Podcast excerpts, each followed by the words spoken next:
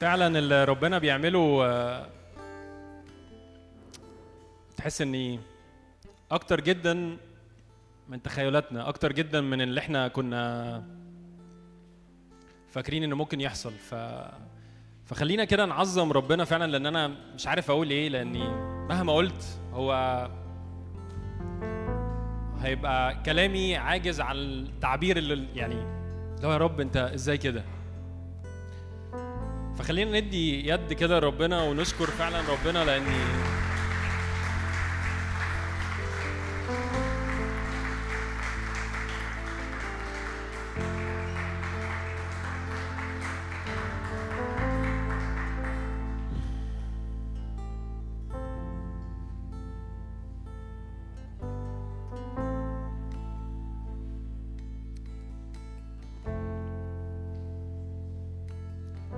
يا رب مش بس شكرا على القاعة الجديدة لكن شكرا على على النقلة على مستوى يا رب مستوى السماء مش مستوى يا رب أي حد فينا ولا مستوى صلاح أي حد فينا.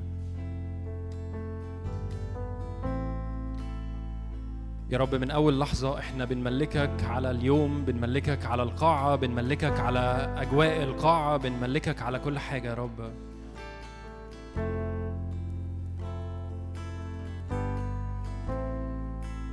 من أول لحظة بنشكرك وبنعليك لأنك صالح وإلى الأبد رحمتك يا رب. شكرا يا رب شكرا شكرا يا رب. لأجل كل حاجة يا رب أنت بتعملها وعمال تعملها فينا ومن خلالنا يا رب.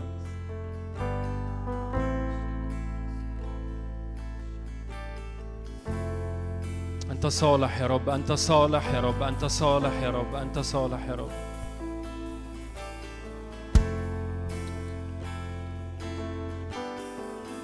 يمكن الوقت ال- الدقايق اللي جايين دول كأنك ارفع الرب واشكره على الوقت ده واشكره على حضوره في وسطينا.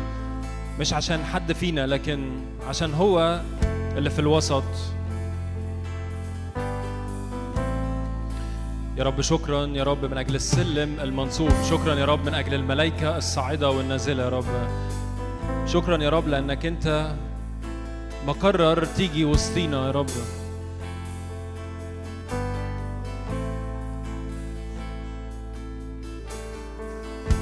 املى يا روح الله يا رب إحنا من اول لحظه يا رب بنقول لك انت السيد وانت الملك يا رب مش بس على مستوى التسبيح ولا على مستوى القاعة لكن على مستوى الكلمة على مستوى النقلة على مستوى التحركات الوقت اللي جاي على مستوى الإرسالية على مستوى الآيات والعجائب على مستوى يا رب الملائكة اللي بتصعد وتنزل يا رب على هذا المكان على مستوى النقلات الفردية والجماعية على مستوى يا رب الأوجه الكائنات الأربعة اللي في القاعة دلوقتي على مستوى السبعة أرواح الله اللي بتتحرك على القاعة ليلا ونهارا. يا رب حتى لو في أوقات إحنا بنسيب القاعة لكن في حاجة حاصلة فوق السماء اللي فوق هذا المكان باسم يسوع.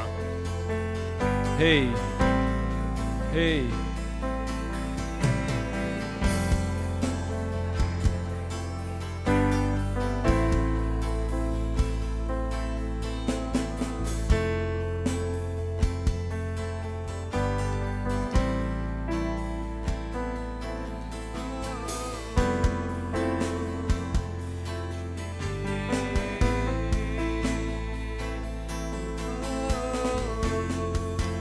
يا رب بنعلي اسمك يا رب بنقدم لك ذبيحة شكر يا رب فعلا يا رب.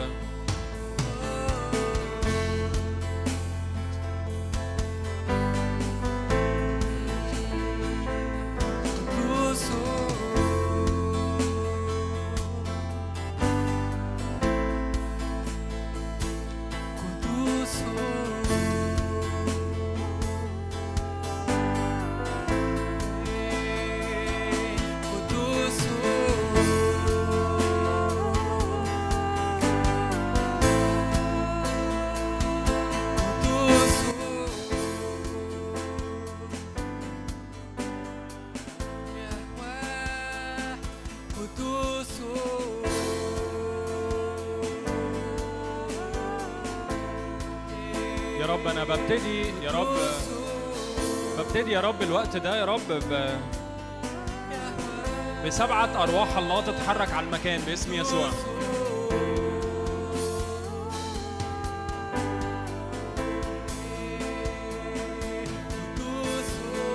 يا رب أنا بعلن مخافتك في المكان باسم يسوع. بعلن روح المخافة روح مخافة الرب يملأ روح مخافة الرب يملأ. وكأن جوايا مفاتيح المفاتيح دي كأننا هنبتدي بيها لثلاث شهور جايين. كأن من من 12 وواحد واثنين وثلاثة كده كأن في مفتاح قوي ليه علاقة بمخافة الرب. هيملى هيملى هيملى أجواءنا بالمخافة في بيوتنا وفي حركتنا وفي الكلية وفي كل وقت باسم يسوع. يا رب أنا بملى بملى بملى الإعلان ده. يا رب بالسماء بالسماء اللي فوق هذا المكان مخافتك يا رب مخافتك يا رب مخافتك تملأ باسم يسوع.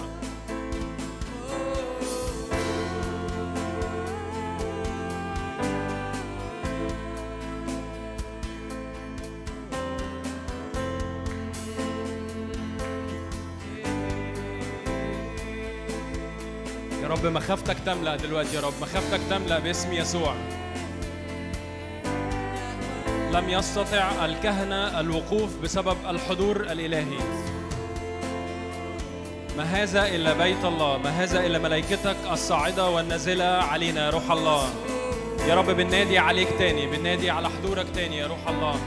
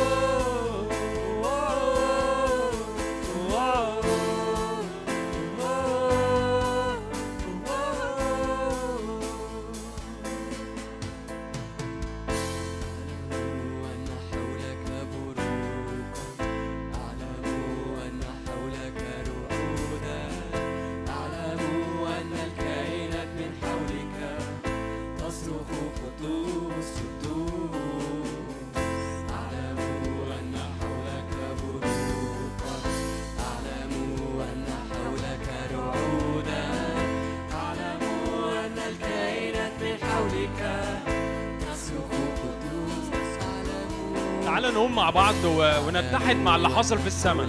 معلش كل اللي قاعد يقف خلينا نحتفل في وقت ده. إحنا بنحتفل باللي حاصل في السماء واللي فوقينا مش وقت بنعمل فيه شكل اجتماع لكن وقت بنحتفل بالجالس على العرش.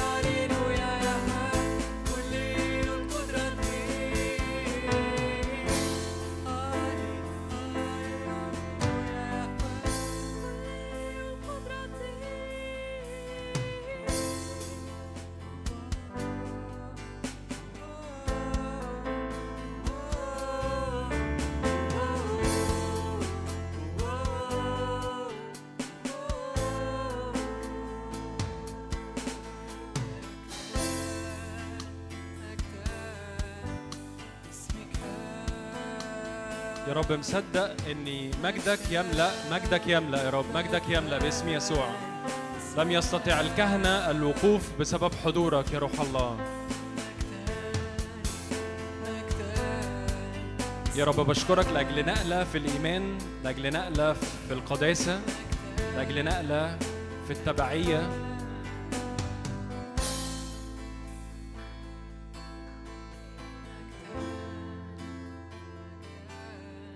يا رب نقلة في القداسة نقلة في التبعية نقلة في مخافتك نقلة في الإيمان باسم يسوع.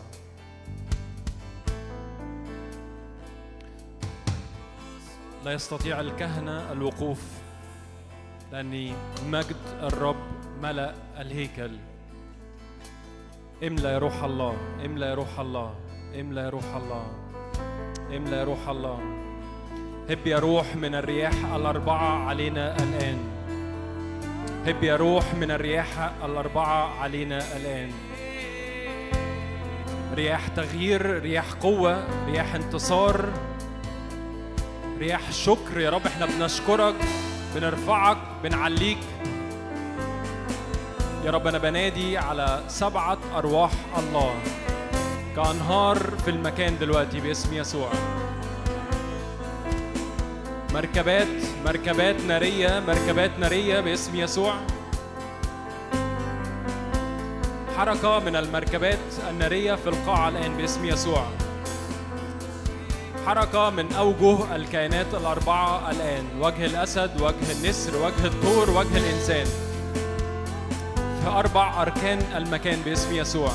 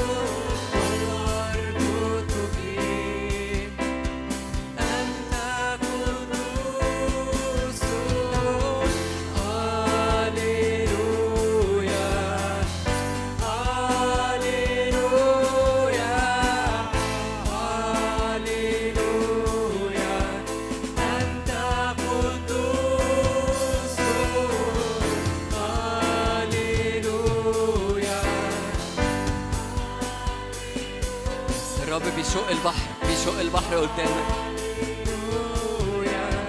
أنت ملائكة تصرخ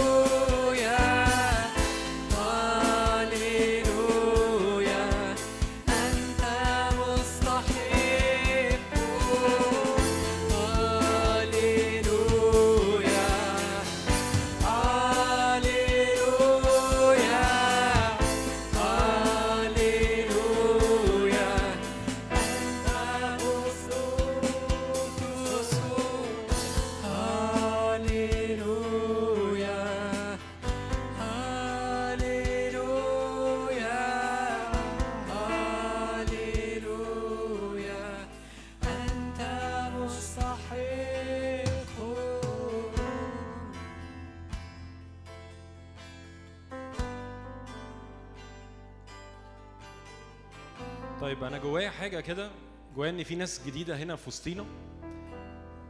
وجوايا انطباع كده إن ربنا جاي يقابل الناس دي كأن زيارة جديدة. مش بس قاعة جديدة لكن في زيارة جديدة. كأن في ناس كمان هنا بقالها وقت مش بتسمع صوت ربنا أو كأن كأنها عندها لوم أو عندها حاجة كده مع ربنا. معرفش بس دي أنا حاجة رنت جوايا دلوقتي. يا روح الله أنا بصلي دلوقتي لكل لكل زيارات يا رب منك يا رب الآن. كأب باحتواء بمحبة. كأن جوايا في في محبة هتحاوطنا كلنا. هتحاوط الناس اللي, اللي ماشية السكة وهتحاوط الناس اللي واقعة في السكة وهتحاوط الناس اللي اللي لسه أول مرة تتقابل مع الإله ده. كأن كأن في ناس زي ما كنت بقول يمكن عارفين ربنا بقالهم وقت يمكن لكن في كأن في نقلة تحصل في العلاقة في الحميمية في الانتمسي كده. روح الله تعالى كاقتحام المياه الآن. يا روح الله أنا بعلن أبواب ترفع الآن باسم يسوع. بعلن يا رب كل كل نفس مرة كل نفس متضايقة هنا. يا روح الله تحل الآن تتفك الآن باسم يسوع. بصلي يا رب اختراقات إلى مفرق النفس والروح والجسد الآن باسم يسوع. بصلي يا رب رياح تغيير يا رب علينا كلنا باسم يسوع. بصلي الزوبعة من الحضور الإلهي الآن باسم يسوع. بصلي نار نار نار يا رب. نار للناس اللي اللي مشتعلة ونار للناس اللي محتاجة تشتعل دلوقتي باسم يسوع. يا رب حلول الروح القدس يا رب كألسنة من النار الآن على رأسنا الآن باسم يسوع. نقلة نقلة يا روح الله.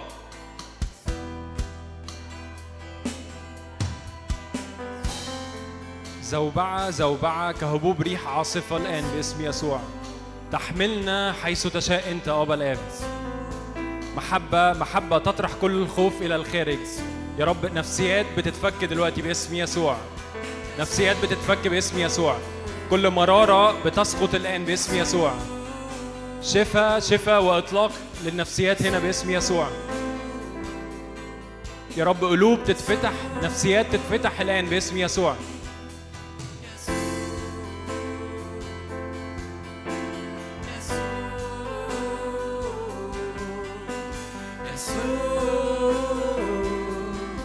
عندك مرارة عندك مشكلة بقالك وقت. اعلن يسوع. ما تعملش أي حاجة تانية لكن اعلن اسم يسوع. اعلن اسم يهوى في المكان. اعلن اسم يهوى على الهيكل بتاعك. في حاجة هتتفك في حاجة هتتحرر منها. باسم يسوع. يسوع يسوع. هي يقول يصنع خير في وسطينا الآن. باسم يسوع. تقول تصنع خير يا روح الله. تشفي يا رب كل منكسر القلب الآن. تحرر يا رب من كل قيود الآن باسم يسوع. يا رب مش بس قاعة جديدة لكن سيزون جديد يا رب بندخله كلنا مع بعض باسم يسوع. بقوة الروح القدس متى حل الروح القدس سنلون قوة من العلي. يا رب أنا بصلي قوة لينا دلوقتي باسم يسوع.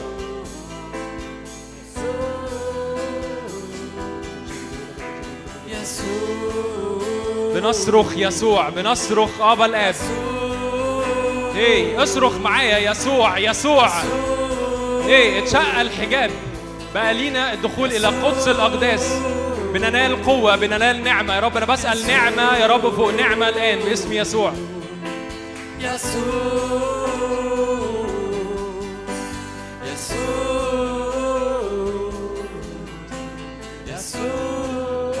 اديتني حياة ادتني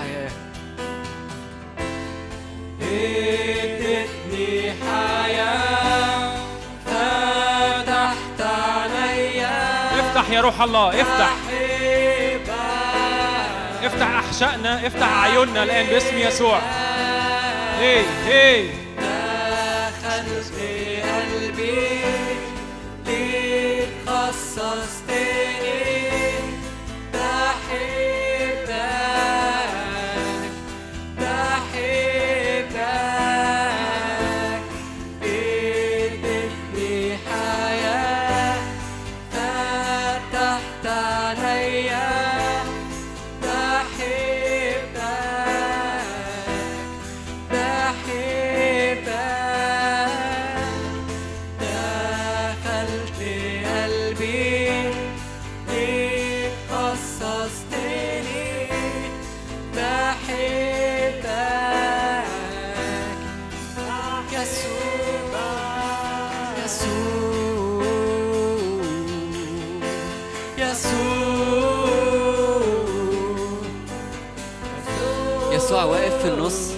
وفتح إيده ومستعد ياخد تعبك وياخد أحمالك. ارمي أثقالك ارمي كل حاجة تعباك عليه. هو فتح إيده عشان ياخدها منك. أخذ ما لنا وأعطانا ما له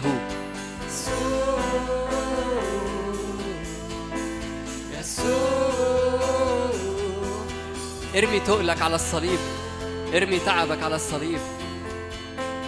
يسوع ارمي الخطية على الصليب. يسوع يسوع يسوع.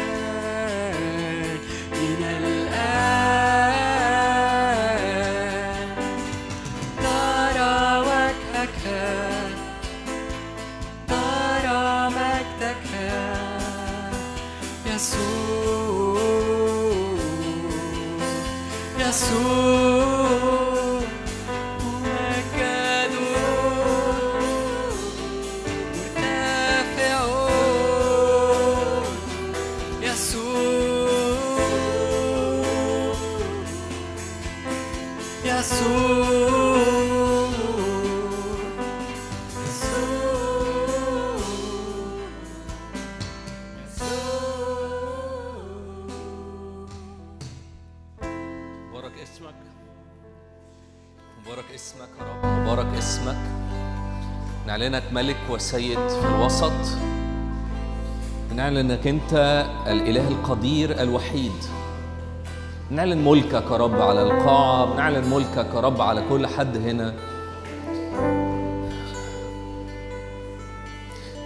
من فضلك ركز مع الرب. من فضلك ركزي مع الرب. قولي له كده بعلن ملكك عليا. بعلن ملكك على الوقت ده. بعلن ملكك على ما تسطحش الأمور. خلي الأمور في أماكنها. الوقت ده وقت فيه الرب موجود بجد في الوسط. إحنا مش شايفينه بعينينا لكن مصدقين بايمان إنه رب هنا. رب موجود. اسألوا تعطوا اطلبوا تجدوا اقرعوا يفتح لكم. اسأل الرب. اسأل الرب هيديك اطلب منه هتلاقي الكتاب بيقول اطلبوا تجدوا مش اطلبوا هتاخدوا لكن اطلبوا فورا هتجدوا. بابه مفتوح اقرعوا يفتح لكم. صدق إنه رب موجود دلوقتي. افتح قلبك قبل عينيك افتح قلبك. قول له رب افتح عناية روحية خليني أشوفك خليني أصدق فيك زود إيماني بيك. حطه هو حجر الزاوية. هو حجر الزاوية. هو الموجود في الوسط. هو الأساس اللي مبني عليه كل فكرنا وذهننا. قول له كده قول له أنا كل ليك أنا قلبي ومشاعري كلها ليك.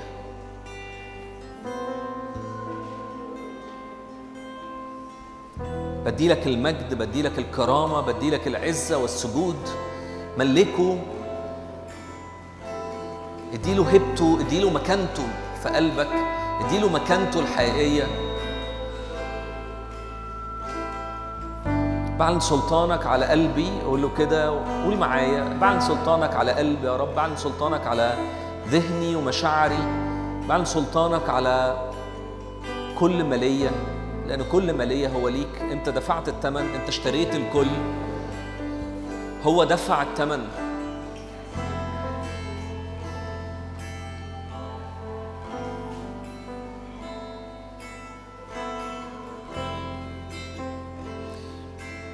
ده وقت تاخد فيه ده وقت تصلي وتديله مكانته وكمان تاخد. فلو عندك طلبة حطها قدام الرب لأنه الرب موجود الرب في الوسط. صدق وآمن أنه الرب في الوسط.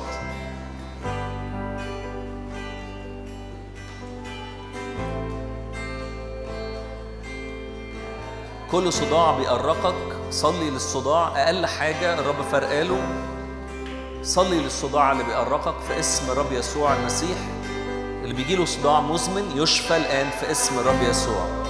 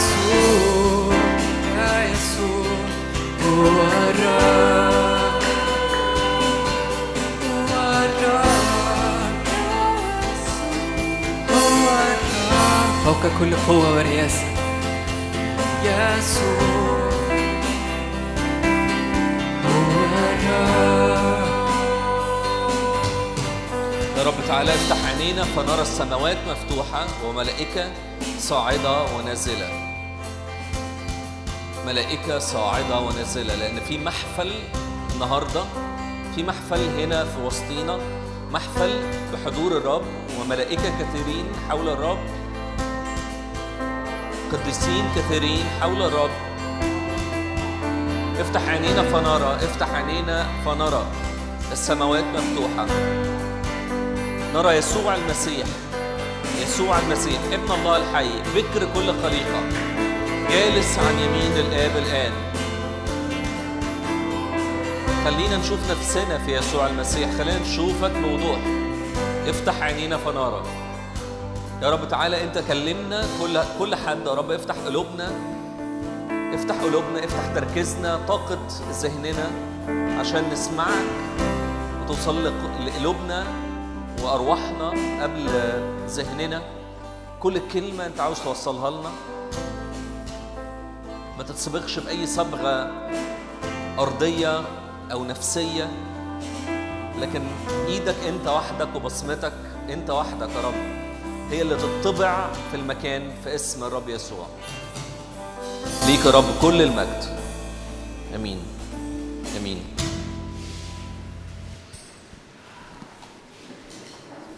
ازيكم أكيد كلنا مبسوطين بالقاعة صح؟ أوسع وأرحب. و عاوز اشارككم مشاركة كده سريعة على قصة القاعة؟ وقد إيه الرب آه، عظيم. من زمان و... و... والحلم اتأصل مش حلم شخصي طبعا عشان نبقى فاهمين يعني.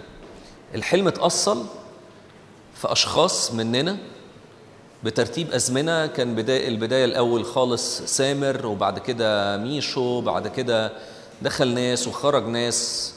وكل ده الحلم موجود. حلم الرب اللي غرسه في بدا في البداية خالص في قلب سامر. وبعد كده دخل مننا ناس من ضمنهم أنا وجون وكذا حد وجوانا نفس الحلم. وصدقنا صدقنا وكان عندنا إيمان انه الرب هيصنع حاجة مختلفة مع إن العيان بيقول حاجة تانية. العيان كان بيقول إيه؟ العيان كان بيقول إنه مفيش مكان. ومش بس كده كان مفيش شعب. وكان في وقت في وقت الاجتماع كان بيحضروا أعداد قليلة جدا جدا. وكان في في أوقات كان المواعيد بتاعة الاجتماع ما كانتش بتبقى مناسبة لأنه مش لاقيين مكان نعرف نقعد فيه. وبعدين فجأة الرب ابتدى يوسع الحلم.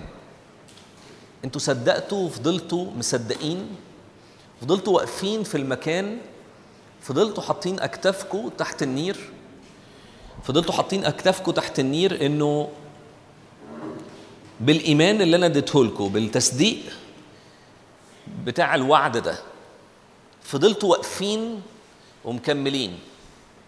وكانت النتيجة إنه حصل تضاعف. تضاعف في كل حاجة تضاعف في أعدادكم تضاعف في قدراتكم في مشاعركم في قدراتنا في عددنا. وفضل الرب مكمل. وكل ما الرب ياخدنا من خطوة للتانية نقول يا هللويا. أشكرك يا رب على اللي إحنا وصلنا له. نلاقي مصدقين في أكتر. أنا لسه ما ابتديتش. أنا لسه ما جبتش آخري. أنا لسه ببتدي معاكم. مصدقين في أكتر؟ نقول يا رب مصدقين. إحنا مكملين. إحنا عندنا إيمان إنه نكمل أكتر وأكتر وأكتر. وكان دايما بيفاجئنا. مفاجآته كانت فوق الوصف. كان دايما بيورينا قد إيه صنع أمر في السماء وكما في السماء كذلك على الأرض. أول لما تحط إيمانك في المحك قدام الرب دايما كان بيصنع بيصنع حاجة. عبر التاريخ أول لما بتحط الإيمان قدام الرب بيروح جاي مشاور يقول هو ده. كنت امينا في القليل أقيمك على الكثير. إيمانك إيمانك بيغير الأوقات والأزمنة. إيمانك قد شفاك. بإيمانك أخذت حرية وهكذا. ومن مدرسة لقاعة لاجتماع كل أسبوع الاجتماع بيتسع. وقعدنا فترة طويلة من الإيمان إنه رب هتدي مكان أوسع. وإدى المكان الأوسع. عمرنا ما كان يبقى حلمنا إنه يبقى ده المكان. ليه بقى؟ لأنه في خدمة اوريدي بقى لها سنين واخدة القاعة دي. في نفس الميعاد بالظبط. ويا ريته اداها لنا. ده هو اداها لنا متجددة. إحنا إحنا أول اجتماع يتعمل في القاعة. جددها وظبطها ودهنها وحط تكييفات جديدة وعمل الكل جديدا. فالموضوع مش موضوع إنه قاعة جديدة وإحنا مبسوطين بالاتساع. علشان القاعة القديمة أصل كل ما بتمطع كده أروح خابط في اللي جنبي. لا الموضوع ما كانش عشان أتمطع لأن إحنا جايين مركزين. ونايمين قبل ما نيجي وكل حاجة حلوة. فالموضوع إنه الاتساع إنه الرب مش مكفيه خالص اللي وصلنا له وعاوز دايما يديلنا أوسع. ودايما بيحطنا في الاختبار بتاع الإيمان. هتعملها إزاي؟ مش مشكلتي هتعملها إزاي. وكان دايما توقعاتنا كده مش مشكلتي. أنت عارف هتعملها إزاي. لكن إيمان يا رب فيك إنك هتقدر تعملها. طبعا زي ما قلت لكم من جملتين إنه الرب لحد دلوقتي هو لسه بيبتدي. هقول لكم في آخر الخدمة خالص في آخر المشاركة هقول لكم إيه اللي الرب جزء من اللي الرب حطه على قلوبنا للاجتماع. وأعيد الجملة تاني جزء من اللي الرب حطه على قلوبنا. هو الرب هو اللي حاطط. إحنا حطينا الإيمان بتاعنا بس. عاوز أسألكم سؤال. مين قرر يمشي سكة مع الرب؟ باللغة الدارجة سلم حياته. مين قرر يمشي سكة مع الرب؟ ما يعني آه، آه، إحنا في قعدة خفيفة فاللي عاوز يرفع إيده ويشجعني يرفع إيده واللي ما خدش سكة مش مهم مش لازم ترفع إيدك. فمين أخد سكة مع الرب؟ حلو. مين لسه بيجرب الرب؟ يعني مش بيجربه اللي هو لا تجرب الرب إلهك مش قصدي يعني بيتست يعني إيه بي بي بيلمس رجله كده للمية ويشوف ساقعة ولا سخنة ولا إيه ظروفها. مين بيجرب؟ ما تتكسفش لو لسه بتجرب ارفع إيدك. حد بيجرب؟ طيب حلو إن ما حدش بيجرب. أنا احتياطي هاخد في اعتباري إن ممكن يكون في بعض الناس القليلين بيجربوا. وهقول لكم حاجة نصيحة. لو قررت تمشي سكة مع الرب أو لسه بتجرب الرب بتجرب السكة يعني مش بتجرب الرب شخصيا بس بتجرب السكة مع الرب. زي ما قلنا قبل كده كذا مرة إنه هي يا ابيض يا أسود مفيش حتة في النص للأسف ومش مفيش غتاتة يعني هو مفيش أصلا لا وجود لمنطقة اسمها في النص. ولو أنت بتست كده المية بتلمسها بصباع رجلك كده تشوفها ساقعة ولا سخنة دايما أي حد بيقول لك إيه الميه ساقعة سخنة نط. لأنك أنت لو اكتشفت إن هي ساقعة ما أنت هترجع لورا. و... والحياة مع الرب فعليا مكلفة. تكلفتها إيه؟ يعني يعني إحنا مثلا إيه أنا رايح أشتري أكل. فأنا هدفع فلوس. فهو الموضوع مكلف هدفع فلوس. طب لو ما اشتريتش أكل هدفع فلوس في حاجة تانية. فاهمين قصدي؟ فانت كده كده هتتكلف. مشيت مع الرب هتتكلف؟ ما مشيتش مع الرب برضه في تكلفة. اخترت تحط كتفك تحت النير لصنع هذا الملكوت. للي فيكم مش فاهم يعني إيه ملكوت الله؟ جزء من تعريفات ملكوت الله هو إنه ملكه وإعلان ملكه من خلالنا على الأرض. ده ال- الترجمة البسيطة السريعة. فلو أنت قررت إنك أنت تحط كتفك تحت هذا النير وتقول أنا هعلن ملكوت الله على الأرض هي تبعيه ان اعلن ملكوت الله مع الأرض. اولا علاقة حية ثانيا أعلن ملكوت الله على الأرض.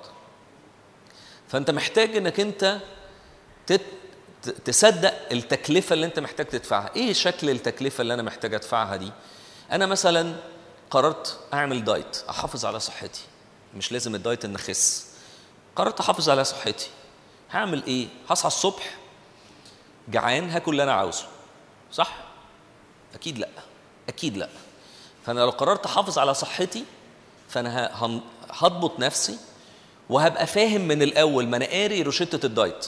أنا عارف إن أنا عندي في الفطار بيض مسلوق وجبنة. طب أنا هموت على حتة عيش كده تسند مفيش. طب أعمل إيه؟ أسرقها من من ورا الدكتور؟ ما هو مش الدكتور هو اللي هيحاسبني. أنا مدرك كويس قوي إن أنا محتاج أنا اللي محتاج. أنا اللي محتاج أخس.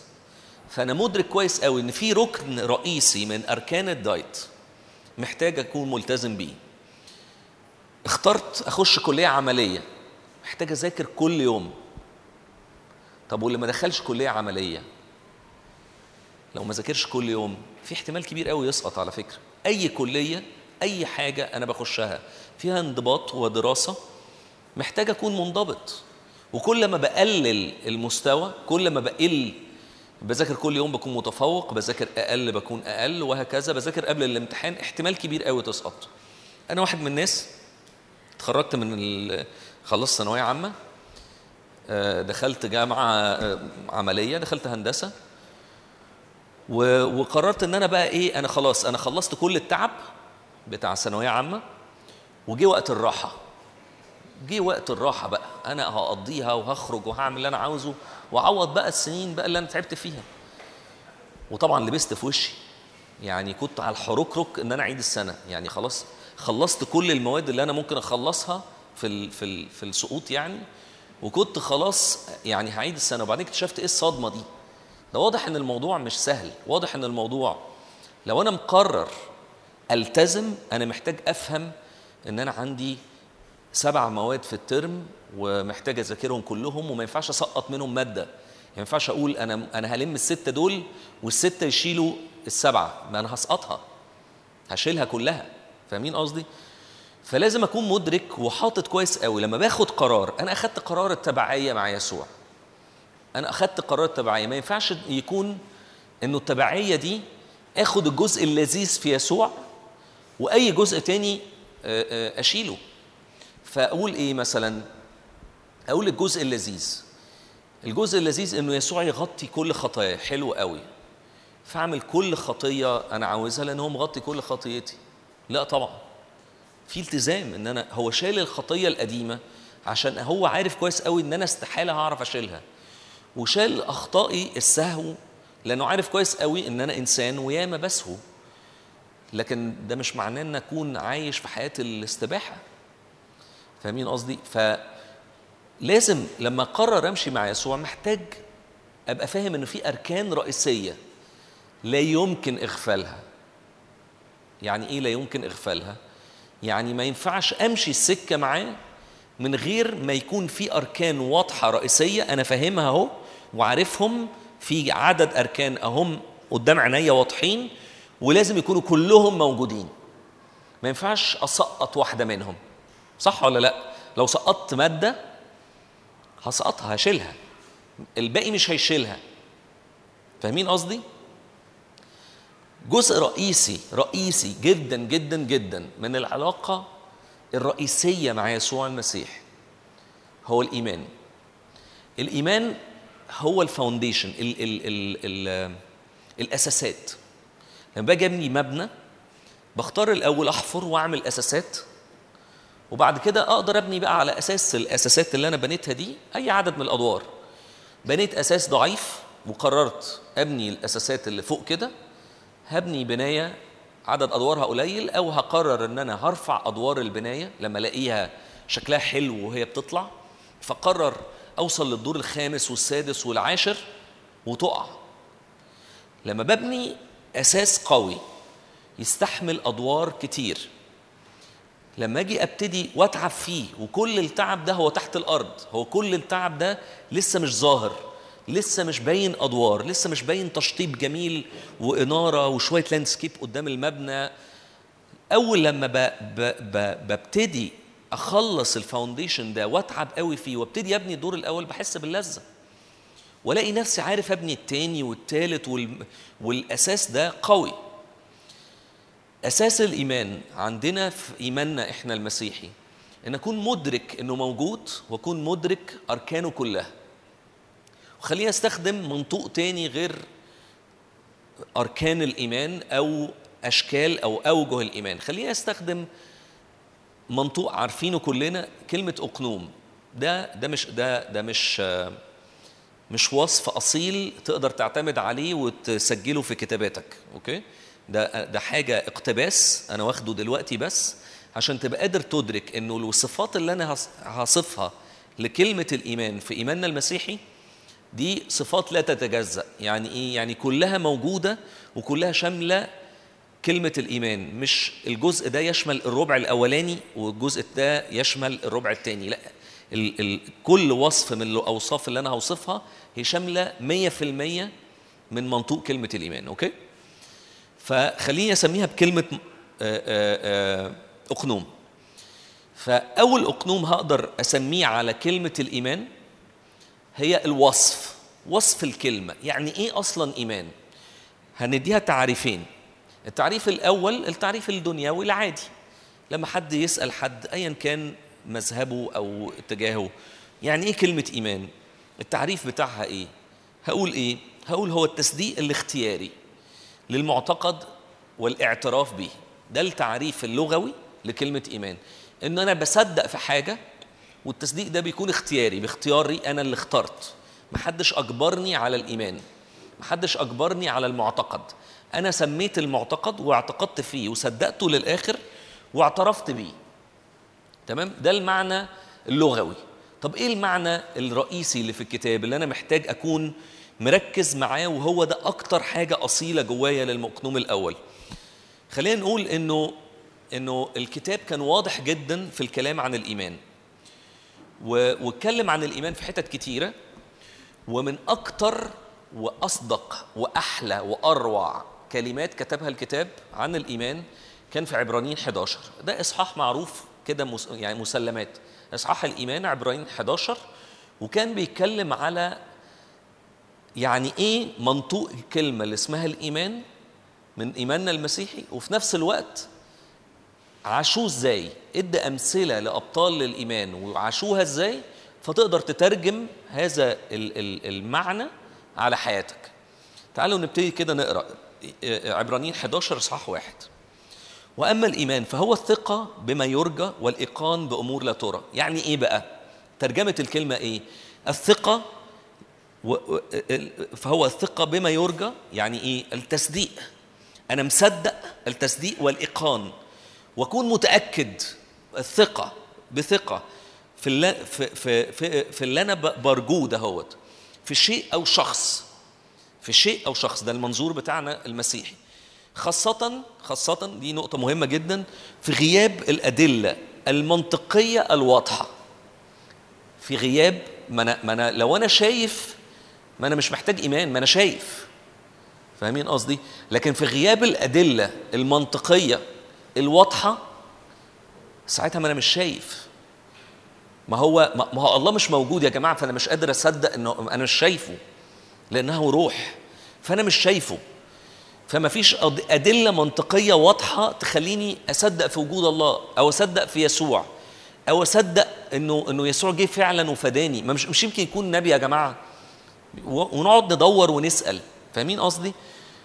على الرغم إنه في أدلة منطقية تانية غير واضحة. فاهمين قصدي؟ خلقة الكون ده كله. لو قعدت تدور وبذلت شوية مجهود صغير قوي إنك تدور ورا حجم الكون المهول اللي لسه ما وصلناش لكل اللي فيه. يعني أنا فاكر كويس قوي وأنا صغير وأنا في سنكم أو أصغر الكلام ده طبعا من أكتر من سنتين ف فكنت بفكر كده إنه إيه الكون ده؟ وقعدت أقرأ طبعا ما كانش في جوجل بقى والحاجات دي وأقعد أدور ألاقي كتب في مكتبات عن المجرات وبتاع. فاكر كويس قوي الرقم ده إنه كان في ثلاث مجرات. الكلام ده كان من من مدة طويلة. دلوقتي لما تيجي تقرأ تكتشف إن هم اكتشفوا آلاف المجرات. وبعد شوية ملايين المجرات. والمجرة فيها مش عارف كام بليون نجم. والمجرة اللي إحنا فيها دي من أصغر المجرات والمجموعة الشمسية شكلها عامل إزاي؟ يا نهار أبيض! وتكتشف إنه هذا الحجم المهول من الكواكب كله متصل ببعضه بالجاذبية. من كتر أحجام ال- الحاجات دي اللي إحنا بنشوفها إحنا بنشوف قرص- قرص الشمس ده قد كده. ده أصلا 98% من حجم المجموعة الشمسية. وبقية الكواكب والنج... وال... وال... والحاجات المحيطة بال... بالشمس دي كلها 2% ف... فبعيد جدا. والمسافات رهيبة ما بين الكواكب وبعض وما بين النجوم وبعض. مسافات رهيبة. الرغم من كده من كتر أحجامها الجاذبية هي اللي شايلاهم في بعض. هو ينفع هذا الكون المهول يكون مخلوق من تلقاء نفسه؟ ولا لازم يكون في عقل مفكر وع... و... ومش أي تفكير ده عقل منظم جدا وفي منتهى الذكاء. أو مش في منتهى الذكاء ده لا محدود من الذكاء. يبقى في عقل في شخص عاقل ورا خلق الكون ده دي أدلة منطقية غير مرئية. فاهمين قصدي؟ ففي الآخر الأدلة المنطقية الغي- الغير مرئية بتودينا لاتجاه لكن الأدلة المنطقية المرئية هي اللي دايما إحنا بنستسهل وندور عليها. فلو إحنا مقررين إن أنا أستسهل أنا محتاج أعيش بحياة الإيمان. محتاج أركز قوي إنه أنا وأنا مصدق بوجود الله وأنا مصدق بال- بالعلاقة الحية اللي بيني وبينه وأنا مصدق وأنا بكلمه إن هو سامع وشايف ومقدر وأنا مصدق جدا إن هو حاسس بيا. وياما في ناس وقعت إنه ياما ياما كتير بزيادة يعني كتير لدرجة غير عادية. إنه تلاقي حد يجي يحكي معانا مثلا إنه بص بقى أنتوا بتقولوا انه الله غير مجرب بالشرور بس أنا بقى حالة خاصة. أنا الله بيجربني. يا عم إزاي بس؟ يا عم إزاي؟ ما هو ما هو لو انت مصدق انه انه هذا الشخص خلقك وتعب فيك عشان يخلقك وخلق هذا الكون كله عشان انت تستمتع بالكون وتستمتع بيه مش مفيش منطق يخليك تصدق ان الله ممكن يجربك بالشرور. ليه؟ فاهمين قصدي؟ فانا محتاج يكون ايماني هو اللي بيحركني. إيماني هو الأساس في التعامل مع الله. وعيش الإيمان ده علشان بعد كده هنحكي إزاي تعرف تعيشه على الأرض ويكون ليك إعلان سلطان الله على الأرض ويكون ليك أصلا سلطان وليك يكون ليك هوية على الأرض بسبب الإيمان اللي هو قلنا إن هو الفاونديشن بتاع أي علاقه ملكوت الله على الأرض. تمام؟ نكمل في قرايتنا في عبرانيين. إحنا قلنا من عبرانيين 11 إصحاح 11 عدد واحد للي عاوز يكتب ال- الشواهد. وأما الإيمان فهو الثقة بما يرجى والإيقان بأمور لا ترى. فإنه في هذا شهد للقدماء بالإيمان نفهم أن العالمين أتقنت بكلمة الله. إنه من الأول هو خلق الكون. ده بالإيمان. مش مش الله عرفوه بالعقل. الله ما عرفوش إحنا ما عرفناش الله بالعقل على فكرة إحنا عرفناه بالإيمان. okay؟ حتى لما يتكون ما يرى مما هو ظاهر. بالإيمان قدم هابيل لله ذبيحة أفضل من قايين فبه شهد له أنه بار. إذ شهد الله لقرابينه. قايين أنتوا عارفين كلكم قصة قايين وهابيل ولا مش عارفها؟ إنه دول أول اتنين أول مولودين على الأرض. فحواء وآدم ربنا خلق حواء وآدم عرف آدم امرأته حواء خلفوا قايين وبعد كده هابيل. وبعدين آه، قايين غار من هابيل. غار منه ليه؟ علشان حتة الذبيحة. هم واحد منهم صدق آمن آمن إن الله موجود وإن الله مهوب وأنا محتاج أكون بديله ذبيحة. إحنا ممكن نقراها حتى مع بعض.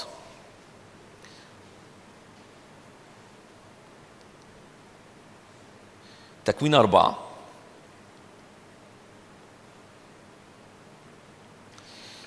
الكتاب بيقول كده إنه كان قايين بي- بيرعى الأرض وكان هابيل راعيا للغنم وفي تفاسير كتيرة جدا أو ناس بتفكر كتير جدا.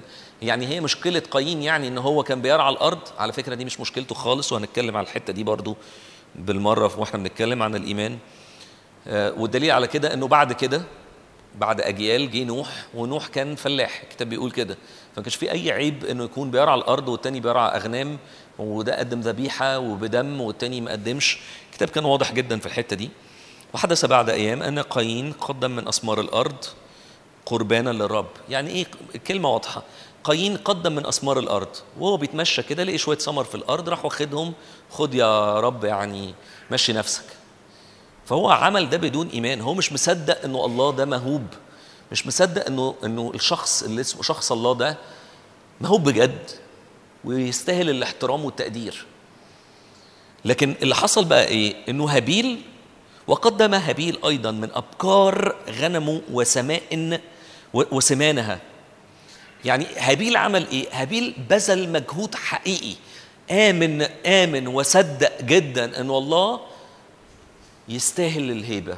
الله يستاهل الله خلق الكون خلق العالمين بكلمة من فمه. صدق. فاهمين قصدي؟ فلما صدق الله نفسه الكتاب بيقول كده في عبرانيين إنه الله نفسه هو اللي شهد له. وشهد له إزاي؟ إنه قبل قربانه. لما لما لما قبل القربان بتاعه دي تصديق من الله. فهنا اللي حصل اللي خلى قايين يغير على هابيل ويقتله فاهمين قصدي؟ نكمل. وبه إن مات يتكلم بعد به اللي هو هابيل إن مات يتكلم بعد بالإيمان نقل أخنوخ لكي لا يرى الموت. بالإيمان عمل إيه؟ أخنوخ مشي مع الرب. الكتاب بيقول كده إنه أخنوخ مشي مع الرب. فلما مشي مع الرب كان مآمن إنه ينفع أمشي مع الرب. الشخص الله العظيم ده ينفع أقرب منه قوي لدرجة إنه بالإيمان نقل ما ماتش ما شافش الموت. وده طبعا رمز لحاجات ليها علاقة بالعهد الجديد بس الحقيقة بتقول إنه في شخص زمان في العهد القديم مش بعد الفداء مشي مع الله.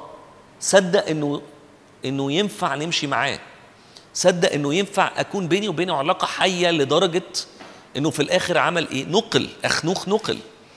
وعلى فكرة في القصة بتاعت قايين وهابيل حاجة مهمة جدا. أنتوا عارفين إيه اللي حصل بعد كده؟ على الرغم من بلوة قايين على الرغم إنه قتل أخوه أول جريمة أول معصية حقيقية بعد لما حواء وآدم سقطوا. على الرغم من ده الله قال لا. أي حد يقتل قايين لو هو خاف قال اللي هيصادفني ما خافش من الله. لكن خاف قال على نفسه اللي هيصادفني هيقتلني قال لا. الله قال له لا. اللي هيصادفك ينتقم منه سبع مرات. اللي هيقتلك ينتقم منه. يعني إيه؟ حتى بعد كل البلوى اللي هو عملها دي يوم يكمل يعمل إيه؟ يبعد عن الله ويقرر يبني لنفسه مدينة. مدينة يعني إيه؟ يعني إيه؟ المدن ليه كان الله دايما يعني تحسوا في القصة كده مش بيرتاح في المدن. ما بيرتاحش في حتة أي حاجة اعملها بدراعي وده مكان راحتي ومش المكان اللي أنت تقول لي عليه.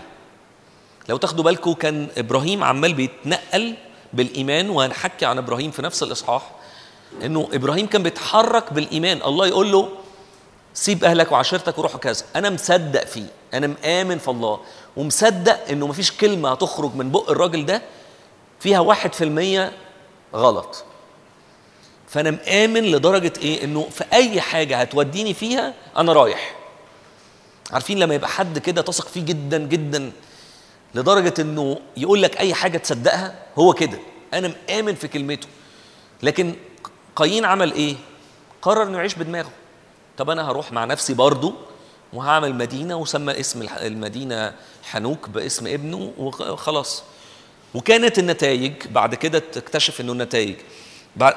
آدم وحواء خلفوا تاني. تعويض حتى حواء قالت إنه رب عوضني خلفوا شيس وبعد كده يعني ينزل بقى النسل قايين في جنب لو رسمتوها كده قايين في جنب وبقيه ال- ال- العالم كأنه في جنب وهو اختار انه يعيش لوحده. وبعد كده جه من من من من النسل الرئيسي اللي إحنا بنتكلم عليه نوح. ونوح صدق بالإيمان وهنقرأ برضو عنه في في العبرانيين 11 إنه صدق بالإيمان الشخص اللي كلمه ده مين ده؟ ده الله. أنا مصدق إنه ده الله. ده بيكلمني بيقول لي في طوفان. مصدق آمن في الكلمة. الراجل ده ما بيقولش كلمة غلط. الراجل ده أنا ده إيماني. لو قال لي روح في أي مكان بيع شقتك وسيب كل حاجة وسافر هصدق. سيب كل حاجة وروح بلد نائية جدا هصدق. أو سيب كل حاجة وروح بلد غنية جدا وأنا هباركك. وأنا ما فيش في جيبي ولا ولا مليم وبستلف من واحد صاحبي أجرة الميكروباص وأنا مروح هصدق. طبعا مش بعشوائية بس بالإيمان. فاهمين قصدي؟ ففي الآخر نوح عمل إيه؟ لما سمع من الرب هيكون في فلك هيكون في قصدي طوفان بنى فلك ونجا هو وعيلته. الإيمان بينجي الإيمان بي مش مش بس بيحلي العيشة والعشرة بيننا وبين الله الإيمان كمان بينجي بيفدي. الإيمان بيغير وجهة نظرنا وبيغير قلبنا تجاه الموضوع. اللي حصل إنه قايين وكل نسله ومدينته اللي قعد يبني فيها ماتوا في الطوفان. لكن نوح وعيلته كلها افتدوا وعاشوا. لأنه بالإيمان بالإيمان الإيمان بيفدي الإيمان بيغير الهوية. وياما ناس فات عليها مواعيد بسبب قلة الإيمان. خلونا نكمل. إحنا اتكلمنا آخر حاجة على اخنوخ إنه نقل و و والكتاب بيتكلم على اخنوخ إنه بسبب إيمانه في العشرة مع الله كان أرضى الله. الكتاب بيقول كده. إذ قبل إذ قبل نقله شه- شهد له بأنه أرضى الله. الإيمان بيرضي الله. عارفين لما نصلي ونسجد مثلا؟ فنحس إن إحنا قدمنا بكورة حلوة لله رائحة بخور كده حلوة لله. الإيمان بيرضي الله.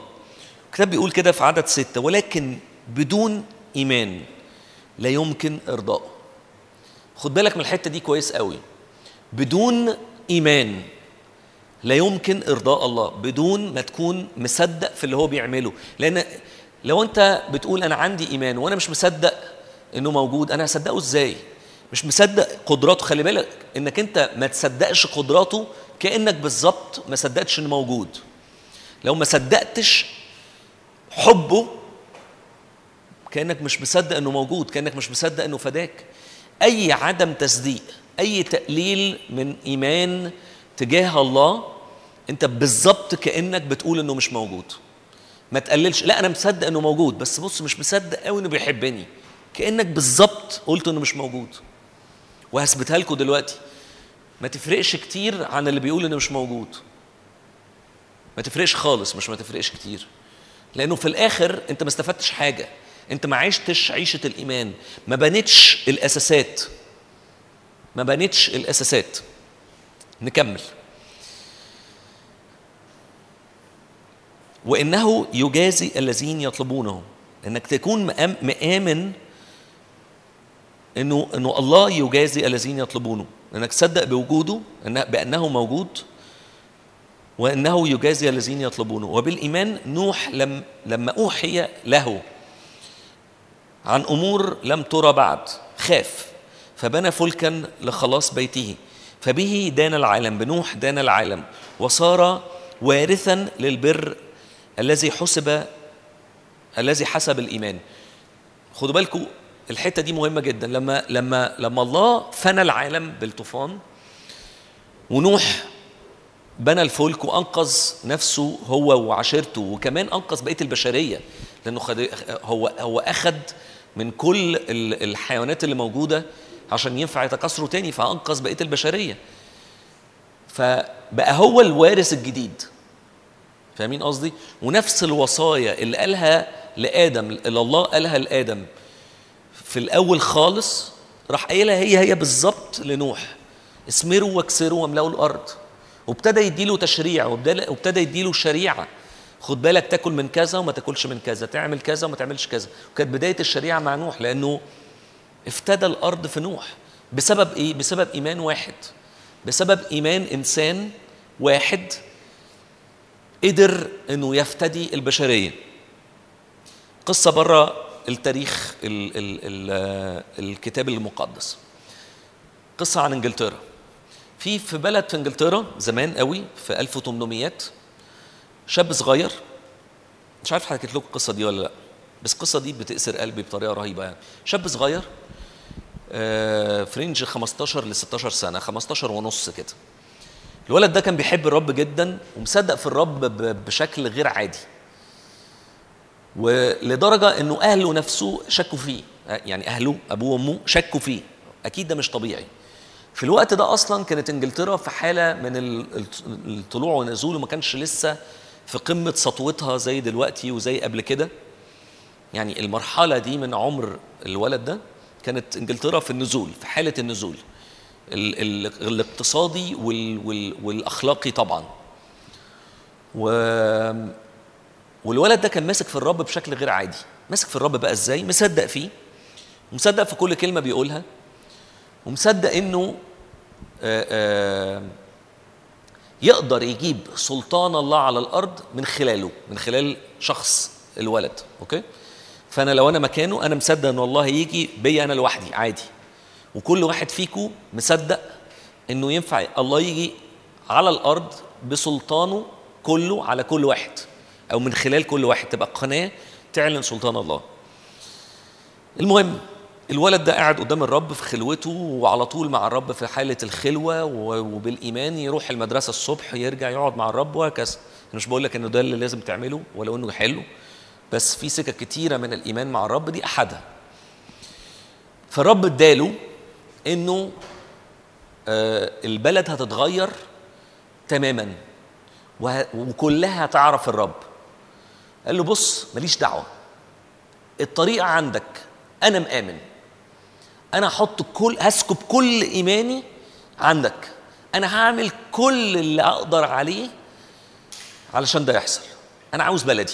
أنا عاوز العاصمة الأول وعاوز عاوز البلد اللي فيها اللي أنا عايش فيها وبعد كده العاصمة. أنا عاوز بلدي. أنا عاوز بلدي. طب وبعد كده هنعمل إيه؟ هو بيسأل الرب. بعد كده هنعمل إيه؟ صلي. فابتدى يصلي. وابتدى ياخد بالإيمان. مخطط مخطط خطة من الرب.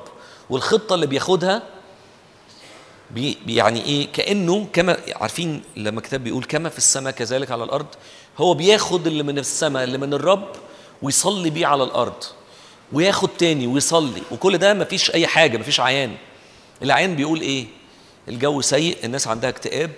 الناس كلها فقيرة جدا الضغطة المادية غير عادية في الوقت ده. كانوا فارضين ضرائب رهيبة وبيحاولوا يعملوا إعمار في البلد في الوقت ده. وكانت الحالة ضنك على الناس كلها. أنا في أنا فين بقى؟ أنا بصلي. أنا واخد إيمان واخد خطة من الرب واضحة وصريحة انه الرب هيفتدي بلدي. طيب نعمل إيه؟ لحد فضل ماشي مع الرب سنة سنة لحد لما قال له اليوم الفلاني هيبقى في اجتماع كان في نهضة. وأول يوم في النهضة وقال له اليوم الفلاني ده أنا عاوزك تيجي. فالرب قال له هاجي عشان صلواتك وإيمانك وتصديقك فيا أنا هاجي. جت بداية النهضة هو طبعا راح أول واحد وفرحان جدا هيقابل الرب بقى وهيتفرج على الناس اللي موجودة في الكنيسة وهي بتقابل الرب. ابتدوا الاجتماع الناس كلها كل واحد عمال يتكلم مع اللي جنبه ودوشة كأنه سوق. والاجتماع شغال والتسبيح شغال. والوعظ طلع كمان وسوق الناس كلها واللي بيتفق على شغلانة واللي بيبيع آه، الحمار بتاعه والجاموسة بتاعته كله شغال. إحنا إحنا جايين سوق إحنا مش جايين ابدا نقابل الرب. فالوعظ من كتر ما هو اتغاظ عمال يتكلم وبيدن في مالطه فيعمل إيه؟ يا جماعة بقول لكم إيه؟ ثانية واحدة. فكله ابتدى يركز. اللي عاوز يمشي يمشي. راحت كل الناس لفه وخ... سايبينه ماشيين والتاني طبعا حس بمنتهى الإهانة والناس بتلف وتمشي ودونالد واقف الولد واقف مغمض عينيه وس- وساكب كل قلبه وكل إيمانه لآخر لحظة. كل العيان بيقول لأ. كل العيان بيقول مش هيحصل حاجة النهارده. وده واقف مصمم قدام الرب. وبعدين وحسه لأ يا رب أنت وعدت. أول لما خلص آخر كلمته حصل إنه المكان كله اتملى بدخان رهيب المكان كله اتملى بدخان رهيب ونزل روح الله بقوة غير عادية بتبكيت غير عادي على كل اللي موجودين. وكل الناس ما بقوش فاهمين إيه اللي بيحصل. أول مرة يختبروا حاجة زي كده. ما كلهم هوياتهم كلها أنا كنت بحكي لكم إن هم كلهم تجارة و- ومش فارق لهم الرب خالص والكنيسة دي مكان زي النادي بس النادي قيمته حلوة كده شوية. فكله حس بصدمة وكله قرر إنه يرجع يقعد في مكانه و... و... ويسمع حاجة مختلفة يقرر إنه النهارده يبقى في يوم مميز. واللي حصل إنه الواعظ قال أنا هرجع أبتدي من أول وجديد تاني لقي ان الحضور ده ما بيناسبش الكلمات اللي أنا مجهزها أساسا. الحضور ده يناسب كلمات انه أسيب نفسي للآخر وأسكب قلبي للآخر وده أول مرة يعمل كده برضه. إنه إنه في الآخر ألاقي نفسي بالإيمان في حتة تانية في حتة تانية روحيا يعني. فبإيمان الولد حتى الوعظ اتغير. حتى الواعظ اتكلم كلام ما فكرش فيه قبل كده. مش ما قالوش قبل كده ما فكرش فيه قبل كده. الناس كلها اللي في القاعة سلمت حياتها وقرروا في اليوم ده بالسحابة اللي فضلت مكملة لآخر الاجتماع إنه زي ما حصل عندهم يحصل على بقية البلد. كل ده في ساعة. فقرروا إن هم كمان يسكبوا قلبهم زي ما الولد ده عمل بالإيمان. وإيمانهم اللي لسه مولود حالا حالا. خلى البلد كلها كلها تسودها سحابة لدرجة إنه الناس اللي في الشارع اللي ما يعرفوش الرب اللي ما راحوش للكنايس ما بقوش فاهمين تبكيت غير عادي الناس كلها عمالة تعيط بدون سبب وقرروا إن هم يروحوا يشتكوا في الاسم. فقالوا إحنا مش عارفين في الاسم بيردوا عليهم إحنا مش عارفين. اتذاعت الفكرة واتذاع الحدث بعد تاني يوم الناس كلها قايمة مش فاهمين إيه اللي بيحصل.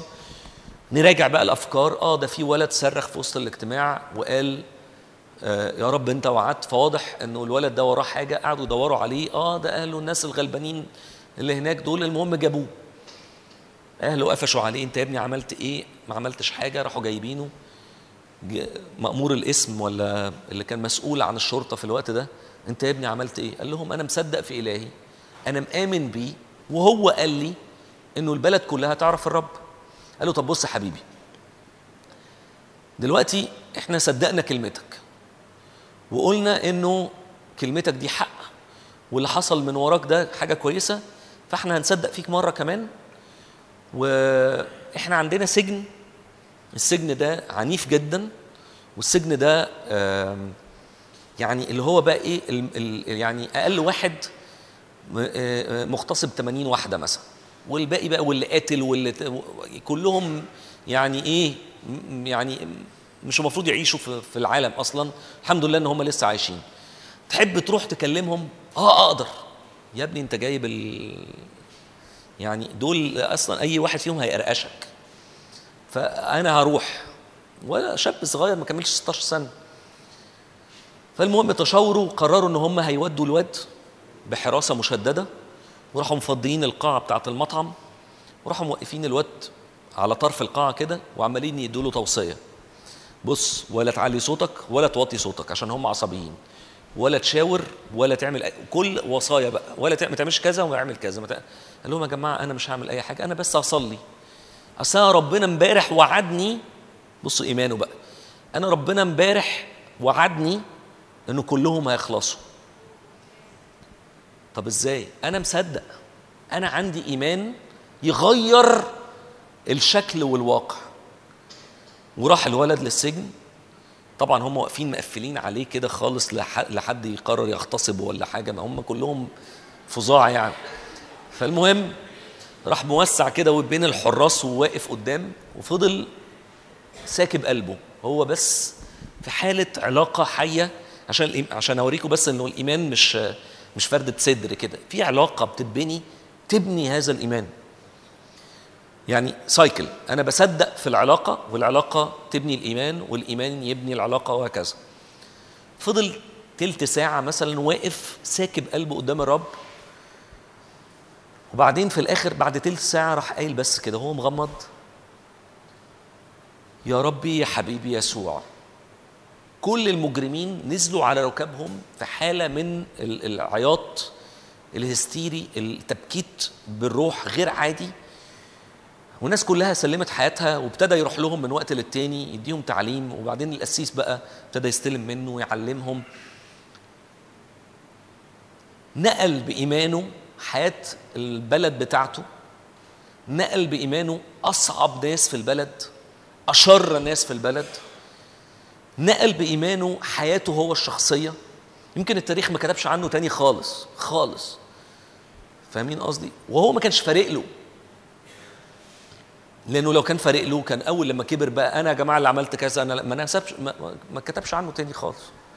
بإيمانه غير حاجات كتيرة جدا في البلد.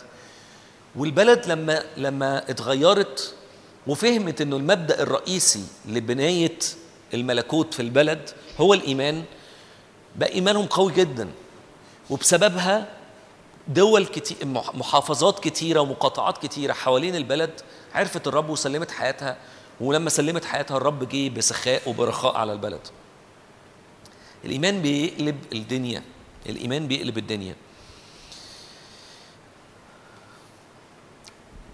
بقية الإصحاح علشان نقدر نكمل بعد كده في بقية الحاجات. بقية الإصحاح بيتكلم إنه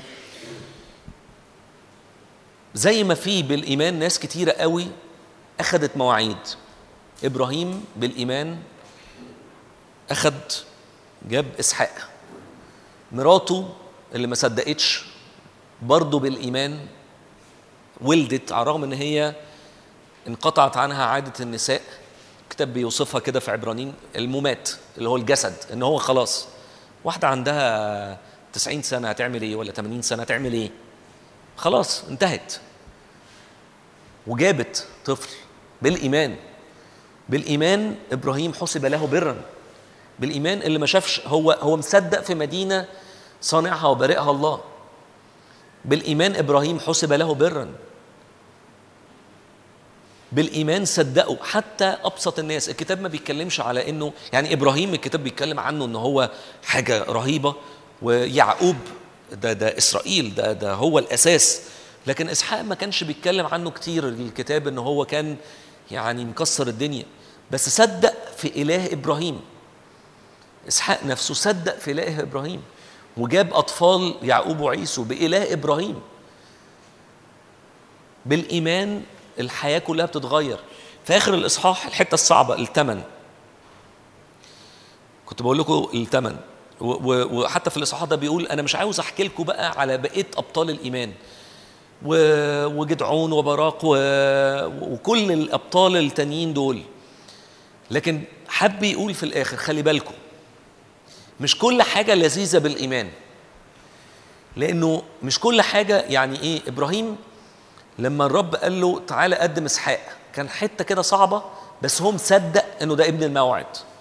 على فكرة لو حطيت نفسك مكان إبراهيم وحتى قررت ت- ت- تحط إسحاق ابنك بتاع الموعد ده عمرك ما هتفكر إنه يعني هيفتديه. هو الحاجة الوحيدة اللي ممكن تفكر فيها خلاص هو ادهوني وأنا قررت طاعة عمياء فهديهوله وهو يبقى يديني ابن تاني بعد كده. مفيش مشكلة.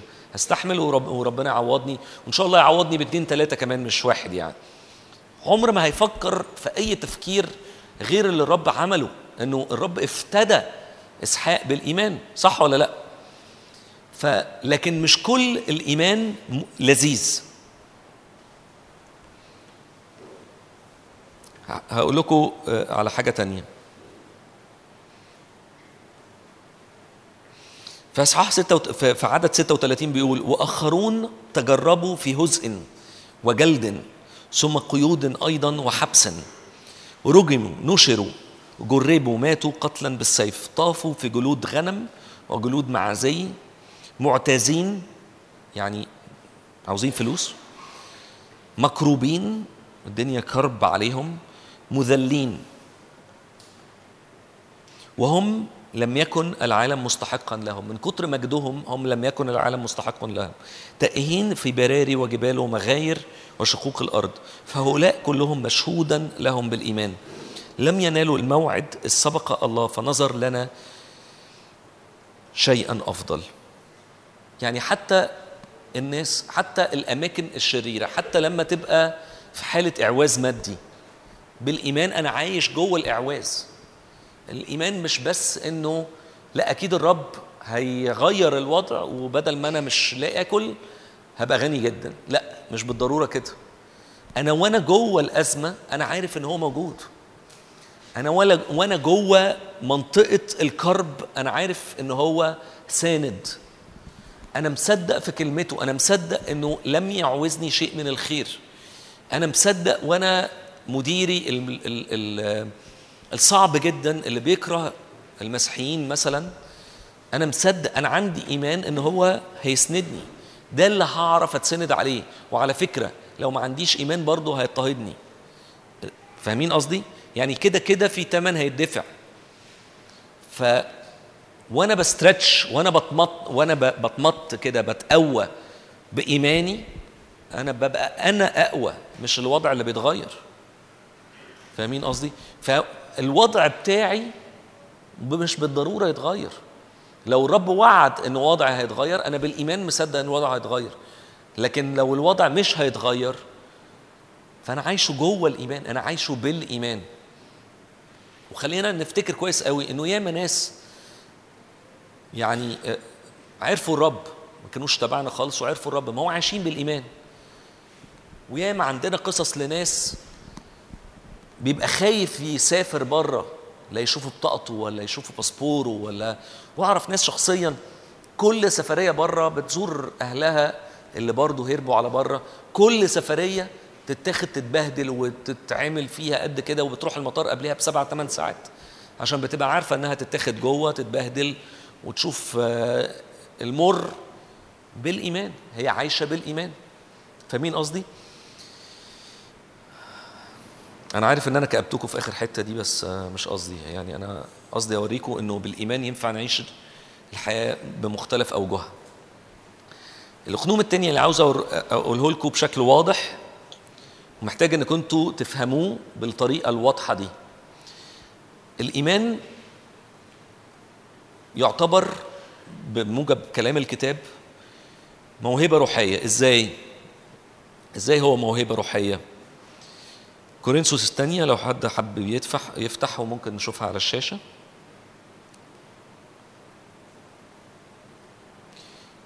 كورنثوس الثانية إصحاح 12 والعدد من واحد لتسعة. أوكي؟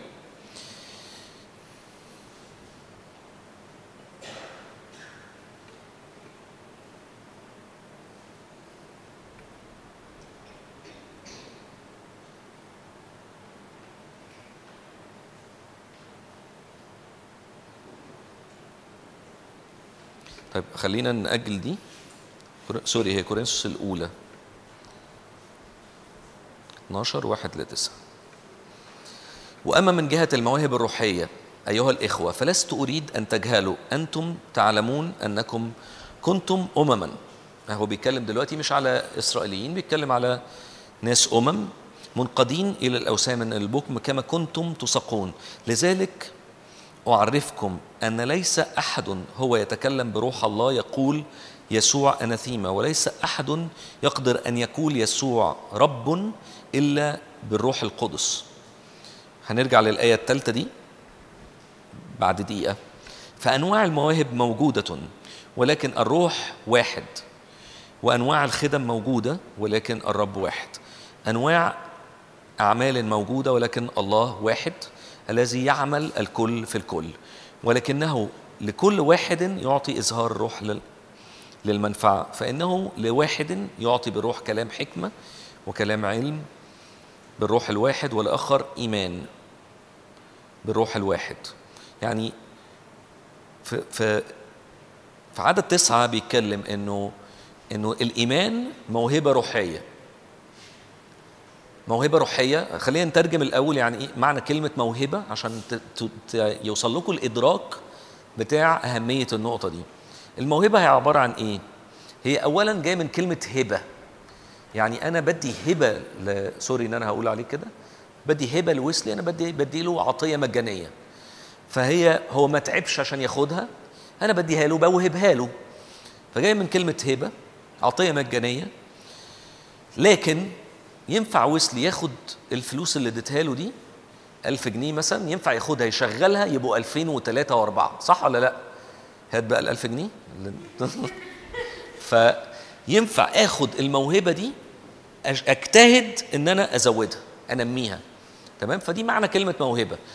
فاللي مثلا ربنا خلقه موهوب في الرسم. هيمسك أي ورقة وقلم هيعرف يرسم بدائيات كده. لكن لكن مش هيعرف يرسم حلو غير لما يجرب. فاهمين قصدي؟ كل لما يرسم أحلى كل ما يرسم أكتر يرسم أحلى وكل ما يبقى مصدق إنه إنه الموهبة دي قادر هو يتحرك بيها كموهبة كل ما يرسم أحلى. طيب لو اتغر كده في نفسه وقرر إن هو يرسم بدراعه يعني إيه مش مش قصدي بدراعه ما هو كده هيرسم بإيده يعني بس أنا قصدي إيه؟ بعضلاته بقدراته ال- اللي هو إيه؟ ال- ال- اللي اتعلمها في الكتب. أحيانا كتير بتطلع وحشة. ما بتطلعش زي ما الموهبة اللي قاعد ينمي فيها. فاهمين قصدي؟ ففي الآخر الله لما بيعطي موهبة موهبة الإيمان الله بيعطي مواهب كثيرة بالروح القدس بس إحنا بنتكلم على موهبة الإيمان. لما بيدي موهبة الإيمان طب أنا دلوقتي عاوز أقول أنا عاوز موهبة الإيمان دي؟ يا رب اديني موهبة الإيمان. أحب أقول لك إنه بسبب عدد ثلاثة لما بيقول وليس أحد يقدر أن يقول يسوع رب إلا بالروح القدس. كلكم بتقولوا كل اللي موجودين هنا وده أنا أنا بخاطبكم أنتوا كل اللي موجودين هنا بيقو- بيقولوا وقالوا في الأول يا إما أنا ماشي سكة مع الله يا إما أنا افترضت إنه ممكن يكون في ناس بتجرب السكة مع الله فده معناه إنه عارف إن يسوع رب. مجرد إنك أنت قلت قدرت تقول إن يسوع رب إن يسوع رب لو عاوزين تقولوها بينكم وبين بعض قولوها. ده معناه إن أنا عندي بيزك ليفل من الإيمان. أول مرحلة من مراحل الإيمان. فما ينفعش أقول إنه يا رب إديني موهبة جديدة اسمها موهبة الإيمان. لا يا رب اضرم فيا الموهبة أكتر. زودها ساعدني أزودها ساعدني أكبرها لأنها موجودة. مجرد إنك عرفت تقول إن ده كلام الكتاب. أنا مش مش بترجم حاجة من عندي أنا بقول لكم كلام الكتاب. مجرد إنك قدرت تقول إنه يسوع رب أنت عندك. عندك بيزك ليفل بتاع موهبة الإيمان. طيب أعمل إيه الوقت اللي جاي؟ أضرم الموهبة. الكتاب بيقول كده جدوا للمواهب الروحية وأضرموا الموهبة. بيقولها فين؟ نفتح 14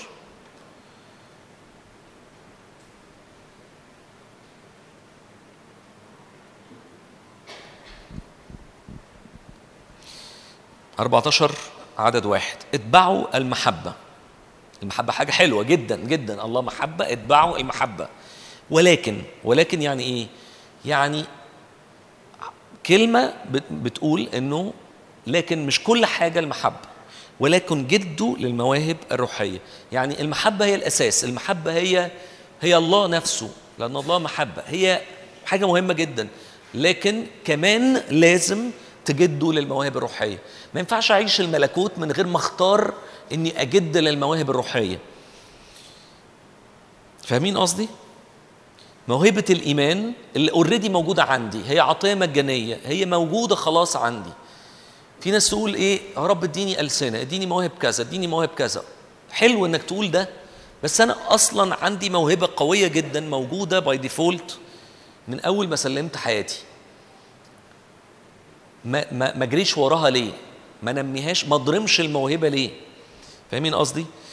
يعني إيه كلمة اضرم المواهب؟ في تيموثاوس الثانية واحد وس- وستة وسبعة بيتكلم على إضرام المواهب. حد عارف يعني إيه إضرم؟ حد عارف يعني إيه إضرم الموهبة؟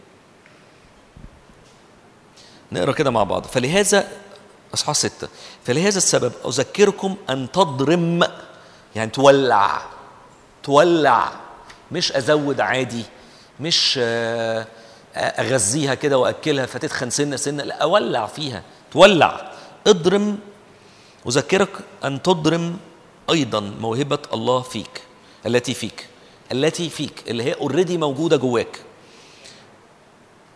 ستة. لا هي إصحاح واحد عدد ستة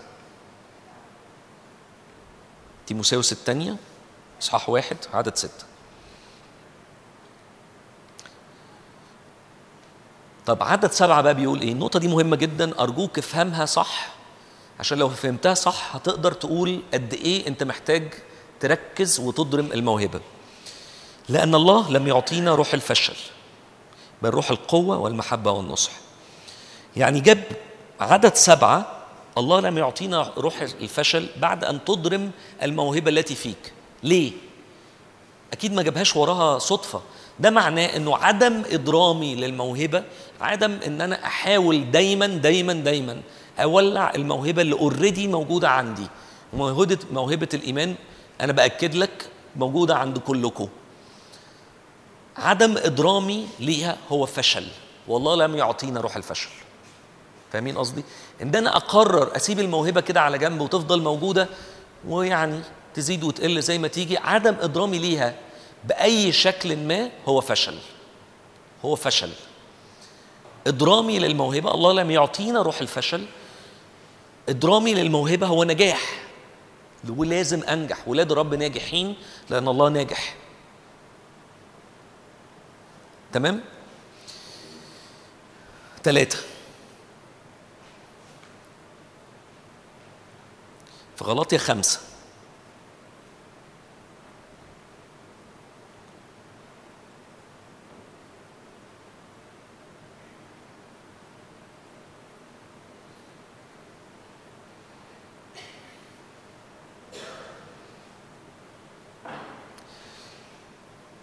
وأما ثمر الروح 5 22 وأما ثمر الروح فهو محبة فرح سلام طول أناة صلاح إيمان وداعة تعفف ضد مثل هذه ليس ناموسا. الإيمان من ثمر الروح. ثمر يعني إيه؟ أي شجرة؟ في شجر مثمر وشجر غير مثمر. الشجر المثمر اللي بيطلع فروتس اللي هو الناجح الغني اللي بيجيب حاجة حلوة اللي بي اللي, اللي ليه قيمة. أنا لما يبقى أبقى مثمر أنا كده ليا قيمة. فالشجر المثمر ثمر الروح الثمر اللي خارج من الروح القدس من ضمنه وح- وحاجة رئيسية جدا فيه هي الإيمان. علاقتي إمتى الروح القدس يبقى فيا فيخرج ثمر؟ لما يكون في علاقة حية أنا متلامس على طول مع الروح. ينفع جدا ما يكونش عندي كل المواهب. ينفع خلي بالكم إحنا عندنا basic level اسمه موهبة الإيمان. إحنا مسلمات دلوقتي عشان ما نراجعش. كله في حد شاكك؟ كله عنده basic level اسمه موهبة الإيمان موهبة الروح القدس اللي اسمها الإيمان. مجرد إنك قلت يسوع هو رب أنت عندك أول مرحلة وأول عمق من أعماق موهبة الإيمان. ثمر الروح القدس من ضمنها هو الإيمان. الإيمان ده ثمر العلاقة الحية بينك وبين الله. كل ما بتعرفه أكتر في عمل الروح القدس اللي جوايا بيدينا ثمر. الثمر ده جزء رئيسي منه الإيمان. كل ما بتعرف على الرب أكتر بصدق فيه أكتر. كل ما بمشي سكة معاه أكتر بصدق إنه يقدر بصدق إنه جد بصدق إنه ما ينفعش يغدر بيا ما ينفعش يخوني. إن أنا بتسند على ظهر والظهر ده جدع جدا وراجل جدا. فاهمين قصدي؟ كل لما بمشي سكة مع الله بمشي سكة مع الروح القدس الجرني السك الرحلة دي بتولد ثمر وأحد هذه الأثمار الرئيسية هو الروح القدس. هو هو الإيمان سوري.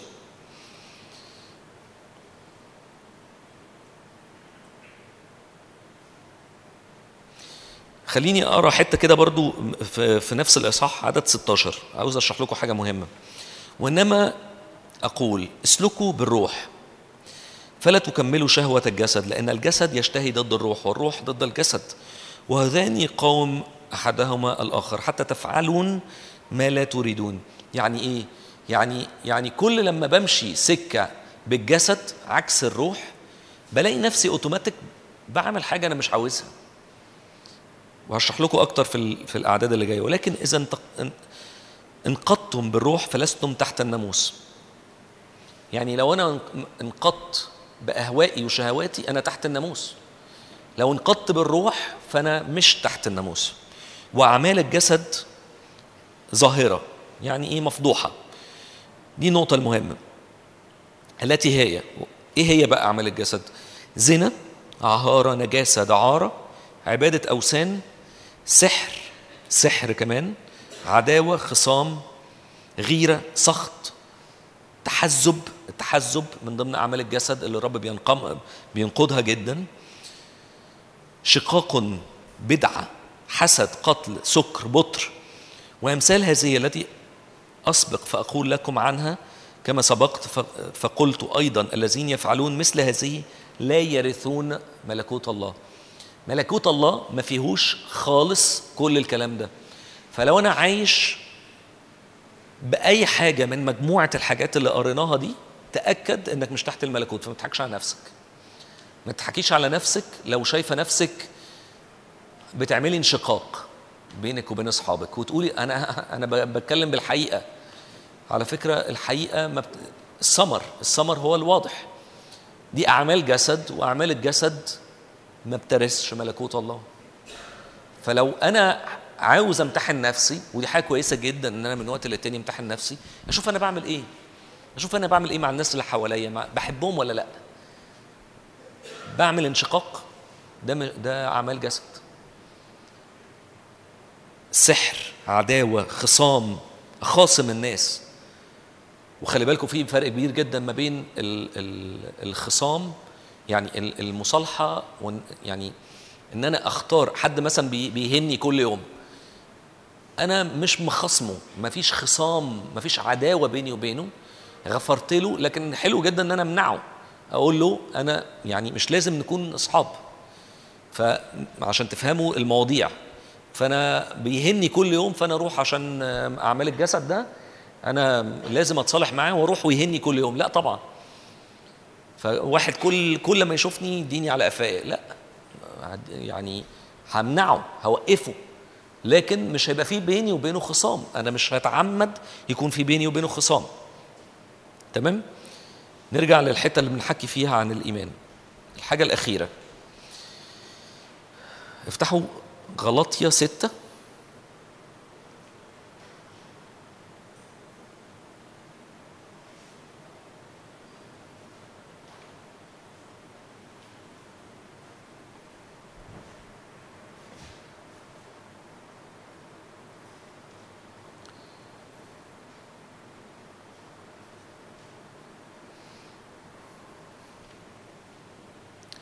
خلينا آم- آم- خلينا نفوت الحتة دي. آخر حاجة عاوز أقولها لكم في حتة الإيمان إنك أنت محتاج تدرك إنه الإيمان زي ما هو ثمر زي ما هو موهبة من مواهب الروح زي ما أنت مدرك إنه الإيمان ده حاجة مهمة وفاونديشن رئيسي للعلاقة بينك وبين الله وبال و و وملكوت الله اللي أنت لازم ما عندكش اختيار تاني لازم تكون عايش ليه. محتاجين ندرك إن هو كمان هو نفسه سلاح. الإيمان سلاح سلاح. في سلاح الله الكامل بيتكلم عن إيه؟ بيتكلم إنه في مجموعة أسلحة محتاج أي مؤمن يقرر إنه يمشي بيها محتاج يكون لابس كل الأسلحة. ولازم جدا ما ينفعش يكون سلاح منهم مش موجود. فاهمين قصدي؟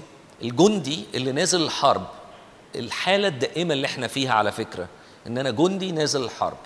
في حالات خاصة لما بيحصل لي إصابة برجع أتعالج وأرجع تاني لكن ال- الأغلبية طول حياتي أنا جندي نازل الحرب. شكلي كجندي نازل الحرب بقى لابس خوذة وترس و فاهمين قصدي؟ ومعايا سيف ولابس منطقة و... الحاجات دي كلها اللي الرب وصفها دي. جواها ترس الإيمان. ده هو ال- السلاح القوي اللي يطفئ أسهم إبليس. إبليس رمى عليا سهم ملتهب اسمه كذبه إن الله ما بيحبكش. إن الله مجرب بالشرور. في ترس اسمه ترس الإيمان. الراجل ده أنا عارفه. أنا مآمن فيه جدا. أنا مصدق كل كلمة.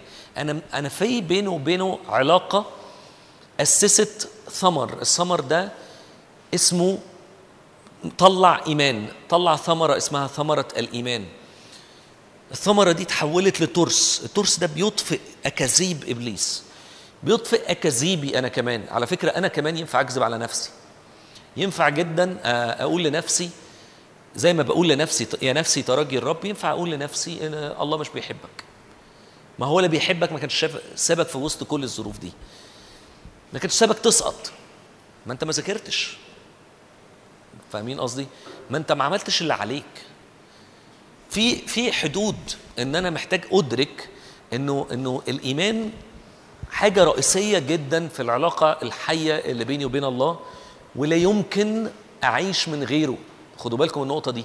ما ينفعش أعيش من غيره. ما ينفعش أعيش حياتي اليومية مش الشهرية ولا السنوية ولا أي حاجة مش الحياة العامة مش الخطوط العريضة بنحط فيها خط اسمه الإيمان. الإيمان دي حياة أنا بعيشها كل يوم. أنا بعيش كل يوم بقول لنفسي أنا مصدق في الرب أنا مصدق في عمله أنا مصدق إنه ينفع يحفظ وديعتي بحسب وعده. أنا مصدق إنه ممكن لو أنا اجتهدت في مذاكرتي في وسط الحرب الضارية في وسط إبليس اللي, اللي مكون جبهات عشان أكون فاشل لو اجتهدت هيحافظ عليا وهنجح وأبقى شخص ناجح. أنا مصدق إن أنا لما أجتهد جدا وأعمل اللي عليا للآخر واللي عليا للآخر ده ممكن يخليني أجيب 100% وجبت 70% بس. أنا مصدق إنه سماح الله لل 70% صالح ليا. أنا مصدق إن أنا كنت عامل حسابي إن أنا أخش كلية طب وكل التارجتس بتاعتي في الاتجاه ده. واجتهدت وعملت اللي عليا للآخر. أنا عملت اللي عليا. أنا مصدق لما دخلت تجارة إن رب هيستخدمني هناك أكتر مليون مرة من طب. أنا مصدق لما اضطريت إن أنا أسافر كلية تانية بعيد عن أهلي إن أنا ساكن في محافظة واضطريت أجي القاهرة. أنا مصدق أنا عارف هو مين. أنا عندي إيمان إن هو حافظي. أنا مصدق إن أنا لما اضطريت أرجع بالليل متأخر بسبب غصب عني بجد. أنا عملت اللي عليا. فأنا مصدق وأنا راجع بالليل متأخر إن هو يحفظني ويحميني. أنا مصدق. أنا عارف مين هو في علاقة حية بيني وبينه. أنا مصدق ولما يقول لي شفت أهو سقطك. أو سيبنا من دي عشان عنيفة شوية. شفت؟ مش أنا قلت لك إنك أنت في الآخر هتجيب 70% ومش هتجيب مش هتخش كليات خالص؟ لا أنا مصدق إنه الكلية في الآخر اللي هو هيدخلهاني وهيشاور لي عليها هي هتبقى أصلح حاجة ليا. أنا مصدق آخر حاجة عشان نختم هي مش يعني إحنا وصفنا كل الحاجات اللي علاقة بالإيمان. آخر حاجة فارق لي أقولها لكم ونبتدي نصلي. أنا كنت قلت لكم الحلم بتاعنا اللي بدايته مشي سكة سامر مش سكة طويلة وبعدين ربنا لمنا كلنا مع بعض عشان نصنع حاجة بالإيمان للملكوت. حلمنا يحصل إيه طيب؟ إحنا لسه في أول في أول السكة وبنقول كل شوية إحنا في أول السكة وكل لما الرب يعمل لنا تساعة زي القاعة بتاعت النهارده اللي نفسنا إن إحنا نحتفل بيها لأنه أول مرة قعدنا في القاعة دي لو تفتكروا كان احتفال راس السنة فأكيد تاني مرة وأول مرة لينا إن إحنا نكمل في القاعة دي لازم تبقى احتفال برضه. لكن خليني أقول لكم بقية القصة اللي إحنا مصدقين فيها. ده الإيمان بقى. عشان أوري لكم الفرق. ال ال ال ال الإيمان بتاعنا ودانا لهنا دخلنا القاعة دي. الإيمان بتاعنا المستقبلي إيه؟ إن القاعة دي مش هتبقى مكفيانا زي القاعة التانية. ونخش برضو ضغط وعمالين نلزق في بعض من كتر العدد. والقاعة اللي مش هتبقى مكفيانا دي الرب هيبعت قاعة أكبر وقاعة أوسع بكتير من القاعة دي عشان تكفي العدد الجديد. وهتبقى دي برضو البداية. مش هتبقى دي مش هنبقى وصلنا للآخر. لأنه الآخر بتاع الرب كبير جدا. ويمكن يمكن إحنا الآخر بتاع الرب الدعوة اللي الرب حطها دي يمكن إحنا حتى ما نحضروش. يمكن يفضل مكمل بعدينا. بيكو. إيماننا اللي إحنا مصدقين فيه. إحنا صدقنا في القاعة دي لشهور. اسألوهم. إحنا كنا بنعمل إيه؟ إحنا إحنا مش بنقول يا رب. إحنا آه بنصلي. بس مش بنقول يا رب زي العالم. بنصلي بنقول يا رب يلا حقق الميعاد اللي انت قلته لنا إن إحنا هنرث القاعة دي. إحنا عارفين ان إحنا واخدينها. إحنا عارفين. فاهمين قصدي؟ إحنا كنا عارفين إن إحنا هناخدها. المعجزة إنها تتوضب وتتجدد كمان. فاهمين قصدي؟ الإيمان بتاعنا اللي هيحصل إيه؟ إحنا بنحكي لكم المستقبل اللي هيحصل. القاعة هتبقى قاعة أكبر. الشكل هيبقى أعلى. المستوى هيبقى أعلى. الآلات دي كلها على فكرة جت بالإيمان. إحنا ما ما كانش معانا ولا زلنا معناش نشتري كل العدة دي. فاهمين قصدي؟ العدة كل شوية بتزيد. الحاجة بتكتر. فاهمين قصدي؟ إمكانياتنا بتزيد. بتزيد بالايه بالإيمان. إحنا عارفين. إحنا عارفين إنه عدد المايكات ده هيزيد. إحنا عارفين إنه في درامز تاني هيجي. اللي بيلعبوا درامز دي أحد النبوات اللي هتقبلوها قريب. في درامز تاني هيجي على فكرة بدل ده. هيجي درامز أكبر واحلى بالإيمان هيبقى في ناس بتلعب electric مش ب... مش أنا مش بحكي لكم آه إن شاء الله خير. أنا بحكي لكم ده اللي هيحصل. في اتساع في اتساع أكبر. فاهمين قصدي؟ في أحلام أكتر بكتير. في مؤتمرات هتطلع. بيكوا أنتوا أنتوا اللي هتعملوها وانتوا اللي هتعم... هتحركوا فيها لمحافظات تانية لخدمات لشباب تانية تدعموهم وتقووهم. ويبتدوا هم زي الشرارة اللي بتولع. عارفين؟ شفتوا قبل كده عارفين السلك المواعين؟ لما بيولع القطن لما بيولع عارفين بيحصل فيه إيه؟ بيجري. إيماننا إن أنتوا تفتنوا المسكونة. إيماننا تفتنوا المسكونة. دوروا في الكتاب في في في أعمال الرسل عملوا إيه؟ كم واحد فتنوا المسكونة؟ فشحال ال100 ولا ال150 واحد اللي موجودين في القاعة؟ تفتنوا المسكونة. يبقى في مؤتمرات بتطلع على أماكن تانية في حتت ما بتطرحش. تروحوها. ده إيماننا اللي هيحصل. اتساع وفر في كل شيء. آيات وعجايب ناس إيديها قصيرة بتصلي لهم إيديها بتطول. ناس عندها أمراض مش بس كده بتصلوا لأهاليهم ويشفوا. ناس جاية أهاليهم عيانة بالإيمان يشفوا. أمين؟ ممكن فريق التسبيح يطلع. أنا جوايا إيمان كمان إنه النهارده نعمل احتفال زي العرس كده. عارفين الفرح؟ نعمل احتفال بالرب بالبركة اللي باركنا بيها ان إن إحنا ال- الفرح اللي هنعمله دلوقتي ده ويا ريت فريق التسبيح يبقى يبقى يعني موده كله كده على ناحية الأفراح. إحنا بنفرح بالرب فيا ريت بلاش ولا حزيني ولا بننام. يعني خلينا إيه في مود الفرح. حياتنا كلها أفراح أفراح. فاهم قصدي؟ فإحنا بنفرح بالرب كأنه في عرس كأنه في فرح. إن إحنا بن... الفرح ده معناه إيه؟ إحنا بنقول بنحط حجر معونة وبنقول إلى هنا اعاننا الرب إلى هنا اعاننا الرب ده يعني خلاص القاعة دي بتاعتنا وهناخد اللي بعدها دي معنى إلى هنا اعاننا الرب. يعني أنا مشيت خطوة رحت قايل له إلى هنا اعاننا الرب نمشي الخطوة اللي بعديها يلا. تمام؟ فهنفرح بالرب هنصلي إنه رب يبارك أكتر ويبتدي يضرم موهبة الإيمان أكتر في كل حد فينا؟ يلا ابتدوا. يضرم الإيمان أكتر في موهبة كل حد فينا. هنفرح ها؟ عشان هنفرح. أمين؟ هنفرح؟ أمين.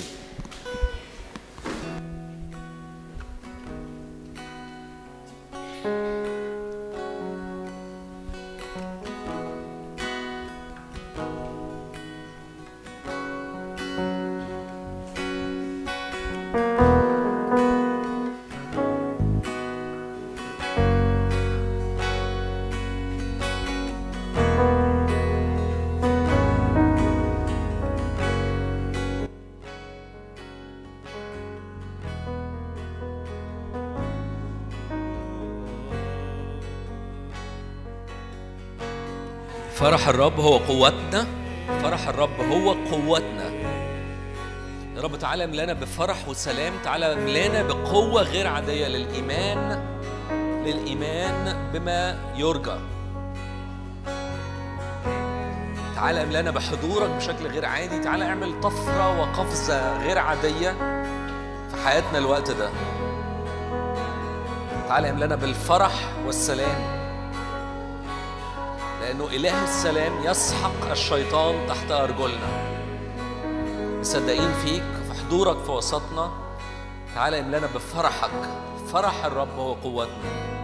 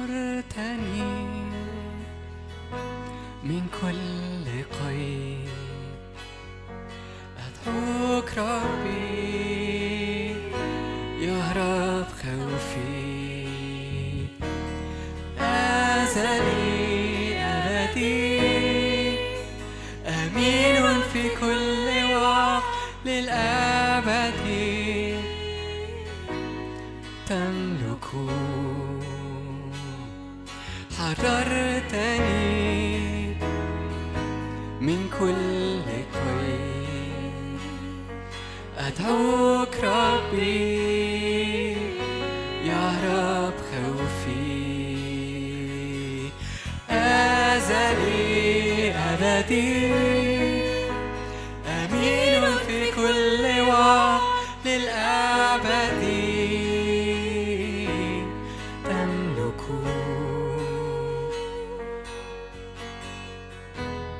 مجدا لاسم يسوع طرق أبعد مني. ليس مثل حب العظيم. طهرني بدمه الكريم. مجدا لاسم يسوع. طرق أبعد مني. ليس مثل حب العظيم. طهرني بدمه الكريم. مجدا لاسم يسوع. طرق أبعد مني. ليس مثل طهرني بدمه الكريم مجدا لاسم يسوع طرق أبعد مني. ليس مثل حب العظيم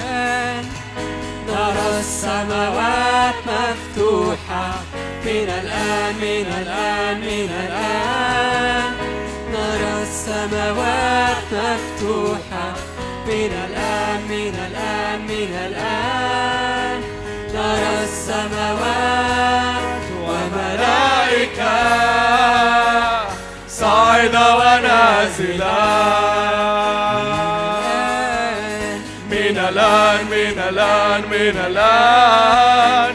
نرى السماوات مفتوحة. تنبأ تنبأ تنبأ. من الآن. من الآن نرى هذه السماوات مفتوحة. هللويا. من الآن من الآن من الآن. نرى السماوات وملائكة. صاعدة ونازلة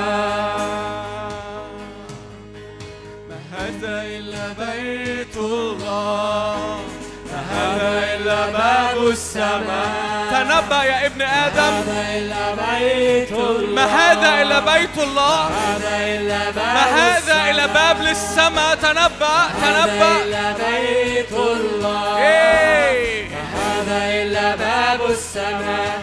قد فتحت لنا السماوات.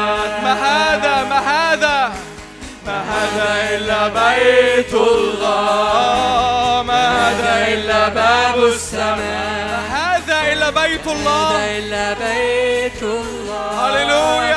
ما هذا إلا باب السماء قد انفتحت لنا السماوات من الآن من الآن. من الآن من الآن من الآن. نرى السماوات مفتوحة. هللويا. من الآن من الآن من الآن. نرى السماوات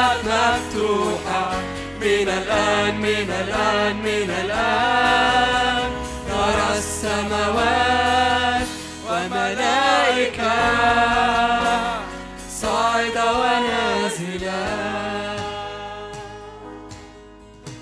ما أنا إلا هيكل الله ما أنا إلا باب السماء.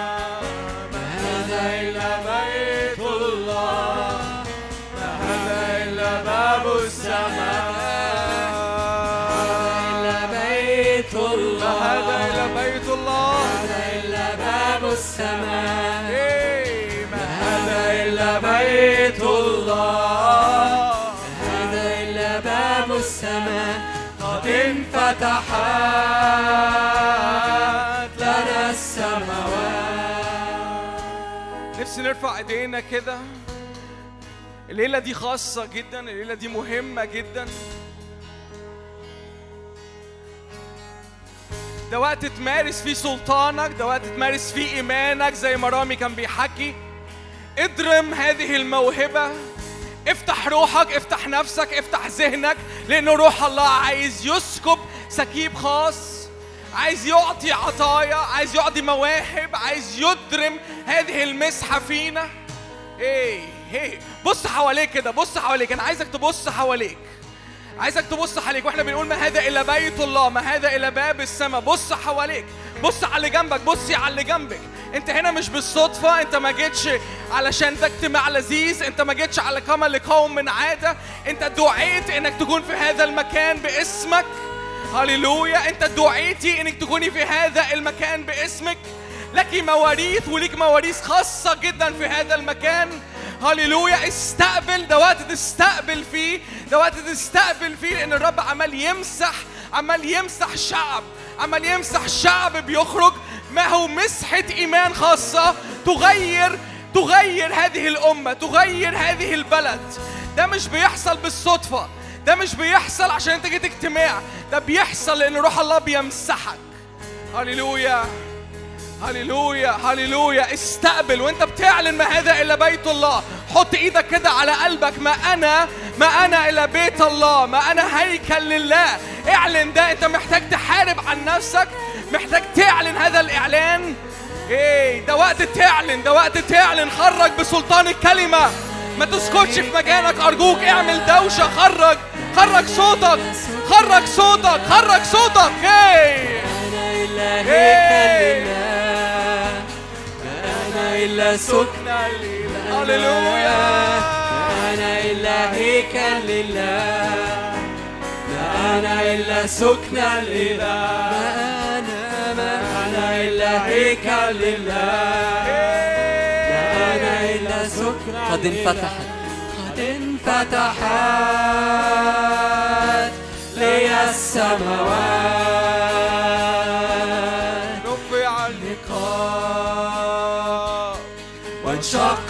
الحجاب قد رفع النقاب وانشق الحجاب لنعاين مجد قد رفع. قد رفع النقاب وانشق الحجاب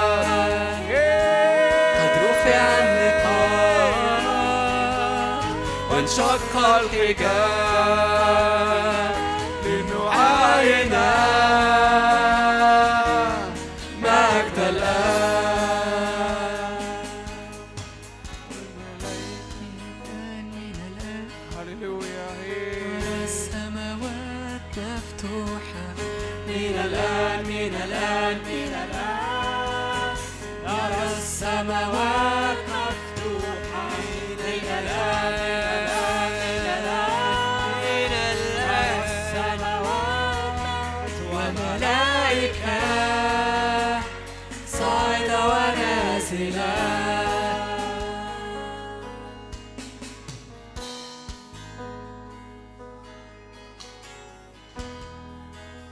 يمكن زي ما كان رامي كان بيشارك كده. إحنا ابتدينا رحلة بقالنا مدة هي رحلة إيمان فعلا. مش صدفة إن رامي النهاردة بيحكي عن الموضوع دوا مش صدفة مش صدفة مش صدفة.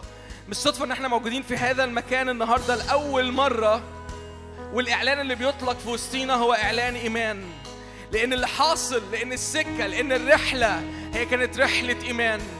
رحلة إيمان إنه في رب قدير رحلة إيمان إن في عهد أزلي أبدي. متقن صانعه وبارئه هو الرب. هللويا. أنا عايز أذكرك بهذا. في عهد مصنوع. العهد ده مش عشان قاعة مش عشان خدمة. العهد ده معمول عشان حياتك أنت.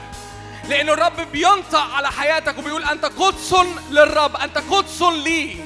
في عهد مصنوع بدم. هللويا. هللويا. هللويا. هللويا. هللويا. هللويا. زي ما الرب بيعمل اتساع في الخدمة أنا مصدق إن الرب بيعمل اتساع في أرواحنا. هي مصدق إن الرب بيعمل اتساع في نفوسنا. هللويا هي هي هي الرب بيقول لك كده أوسع خيمتك أوسع خيمتك بالإيمان. أوسع وسع وسع. بالإيمان كده امتلك أراضي جديدة. زي ما أنت النهارده في هذه القاعة الجديدة امتلك امتلك امتلك. اللي حاصل ده بس في العيان. لكن في أمور في الروح قوية جدا. النهارده ليا وليك إن إحنا نمتلكها. هي هي الشعب بيخلق. شعب بيخلق ليعبد الرب. هللويا. خلي عندك إيمان في ذلك. في الشعب بيخلق. في شعب بيخلق ليعبد الرب. هللويا. إيه أو شكريا لما بريكة السنت. كريا لنا كروتو الشيبا إيه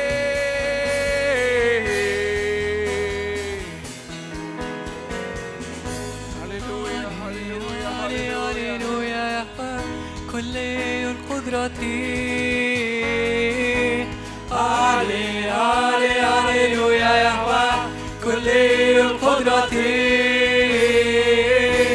علي علي هللويا يهوى كلي القدرة علي علي هللويا يهوى كلي القدرة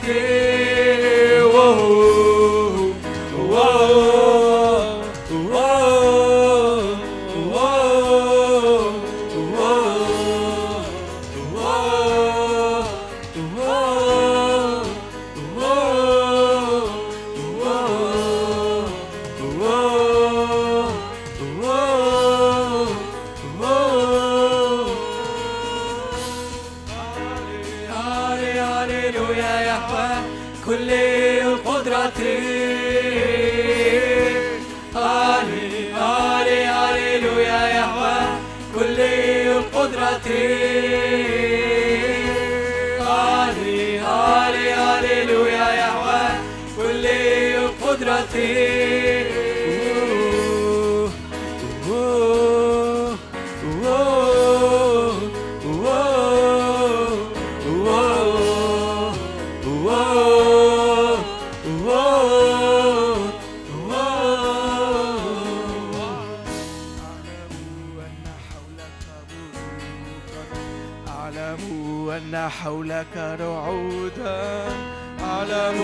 أن الكائنات من حولك تصرخ قدوس قدوس. أعلم أن حولك بروقا أعلم أن حولك رعودا أعلم أن الكائنات من حولك تصرخ قدوس قدوس. أعلم أن حولك بروقا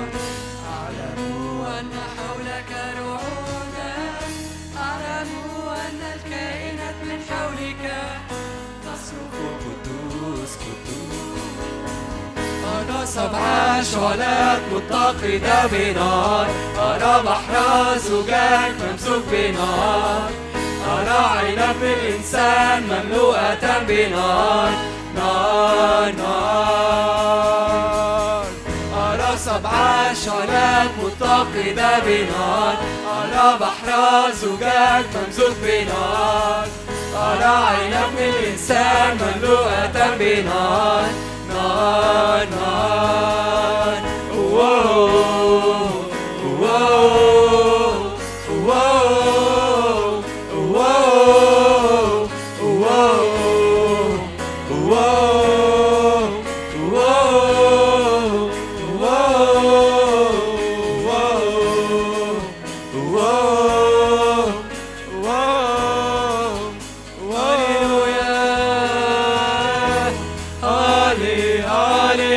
له يا يهوى كل قدرتي. علي علي هللويا يهوى كل قدرتي. علي علي هللويا يهوى كل قدرتي. علي علي هللويا يهوى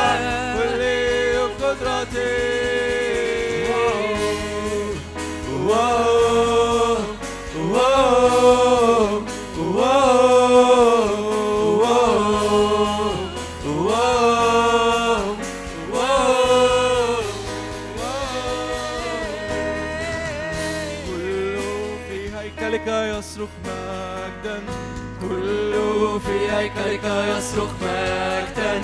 كل في هيكلك يصرخ مجدا. كل في هيكلك يصرخ مجدا. كل في هيكلك يصرخ مجدا. كل في هيكلك يصرخ مجدا. كل في هيكلك يصرخ مجدا. كل في هيكلك يصرخ مجدا. كل يصرخ مجدا. كله في هيكلك يصرخ مجدا. كله في هيكلك يصرخ مجدا. هللويا. هالي هالي هللويا يهوى كل قدرتي. هالي هالي هللويا يهوى كل قدرتي. هالي هالي هاليلويا يهوى كل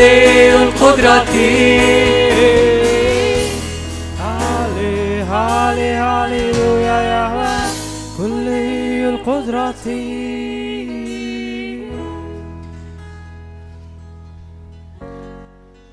ده وقت تفتح عينيك تفتح قلبك على حاصل في السماء.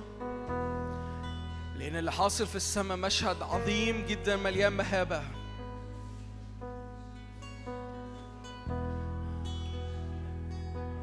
الأرض اللي إحنا واقفين عليها هي أرض مقدسة للرب. اخلع عليك. اخلع كل أمور في الجسد اخلع كل أمور في النفس. انظر لرئيس الإيمان ومكمله. يسوع ثبت عينيك على السماء. انظر إلى الأعلى انظر إلى الأعلى انظر إلى الأعلى. انظر إلى السماوات واللي حاصل في السماوات. أنا مصدق إن الرب بيفتح عينين واحد واحدة فينا دلوقتي. كل اللي مش شايف يشوف في اسم الرب يسوع. كل حد حاسس إنه بعيد ومش عارف يبقى كونكتد وحاسس بفتور في اسم الرب يسوع. السماء قريبة قوي. هي هي هي هي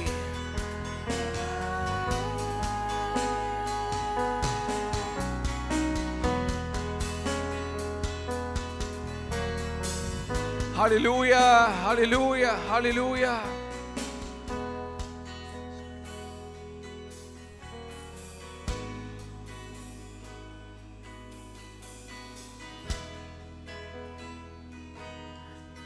في المكان ده السماء والأرض بيبقوا حاجة واحدة.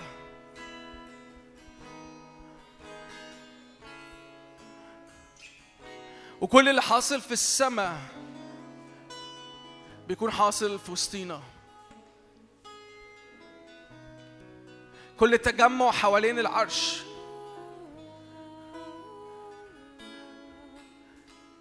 انت ببساطة بتلاقي نفسك واقف في هذا التجمع. بتلاقي نفسك في وسط مجمع قديسين. بتلاقي نفسك في وسط مجمع من الشهود. وفي شهادة ليسوع حية خارجة من أفواههم بتعلن إن يسوع حي في هذا المكان.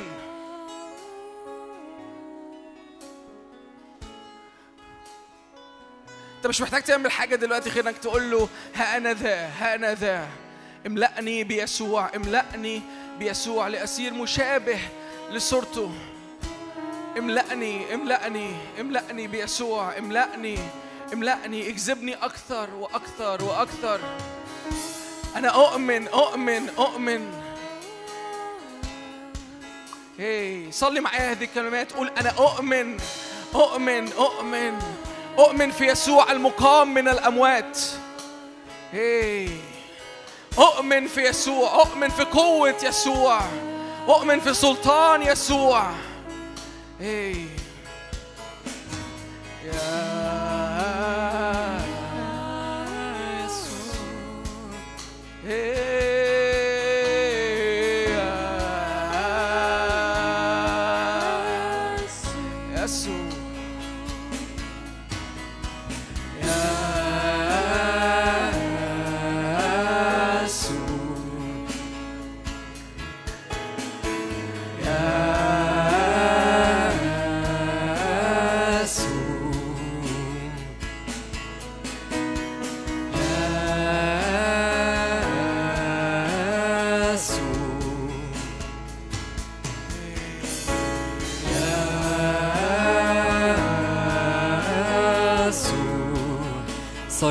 خلاص. صار لينا خلاص صار لينا فداء صار لينا حياة بدم الحمل. صار لينا خلاص صار لينا فداء صار لينا حياة بدم الحمل. صار لينا خلاص صار لينا فداء صار لينا حياة بدم الحمل. صلينا خلاص صار لنا فداء صلينا حياة أعطوا مجدا أعطوا مجدا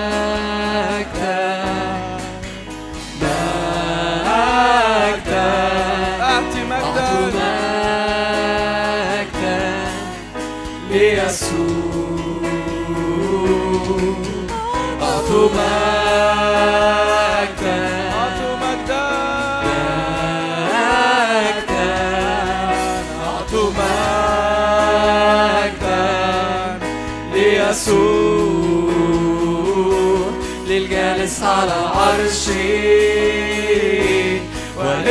Mama.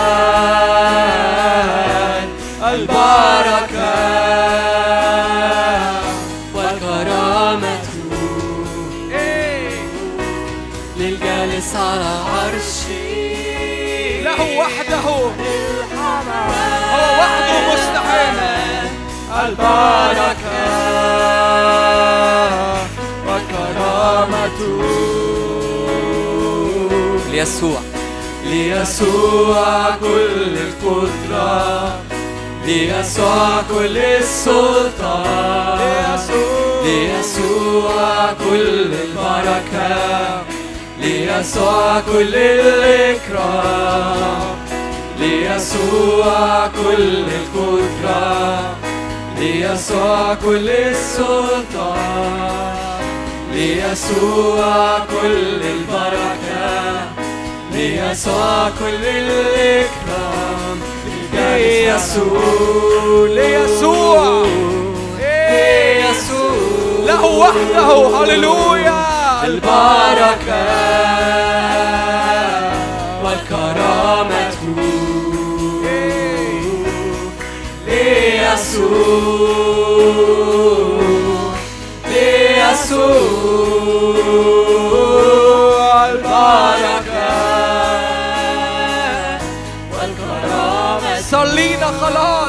صلينا فداء هي.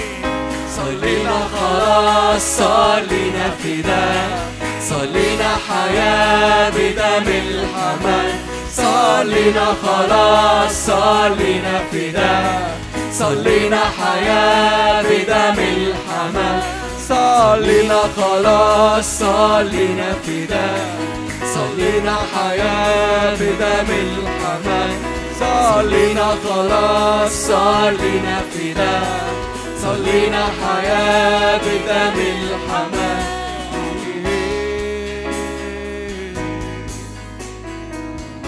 هللويا هللويا. أنا مليان قوي بانه السماء فيها احتفال فيها فرح فيها رقص. في مشهد في السماء حاصل دلوقتي مرهب جدا لأنه الرب بيتقدس. في وسطنا. الأمر مش بس ليه علاقة بالفرح الأمر ليه علاقة كمان بأن الرب قدوس في وسطنا. إحنا بنفرح لأن الرب قدوس ولأنه بيتقدس في وسطنا. هللويا هللويا هللويا هللويا هللويا. من يف من يفرح فليفرح من يفتخر فليفتخر بالرب. هللويا. هي هي هو في وسطنا. هي. كريبا بروتو الشكري على ما فريكة الست كريا لنا كروتو الشيبا هي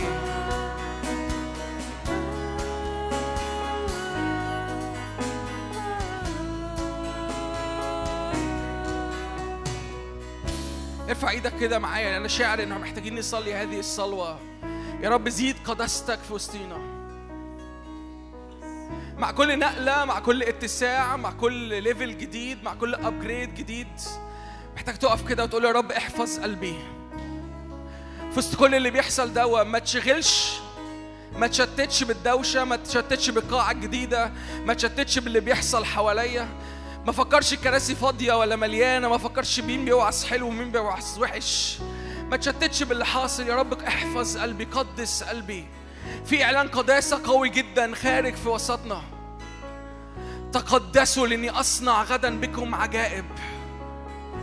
تقدسوا الرب بينادي على الشعب في وسطنا. الرب بيخلق الشعب بيتقدس لأنه قدوس في وسطنا. هللويا هللويا هللويا هللويا هللويا.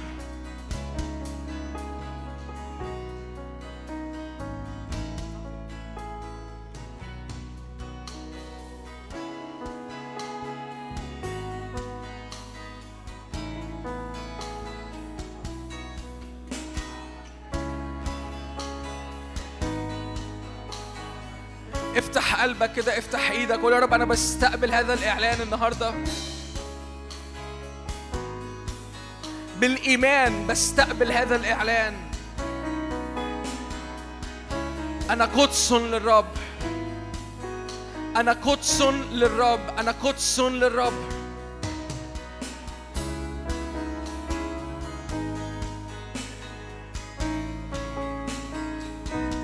هللويا هللويا.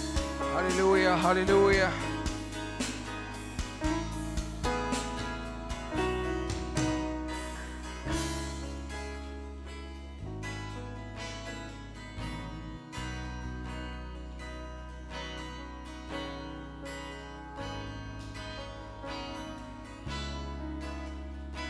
ما أرهب هذا المكان.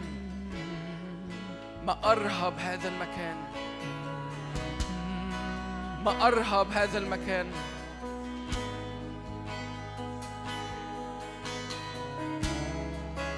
مستحق اسمك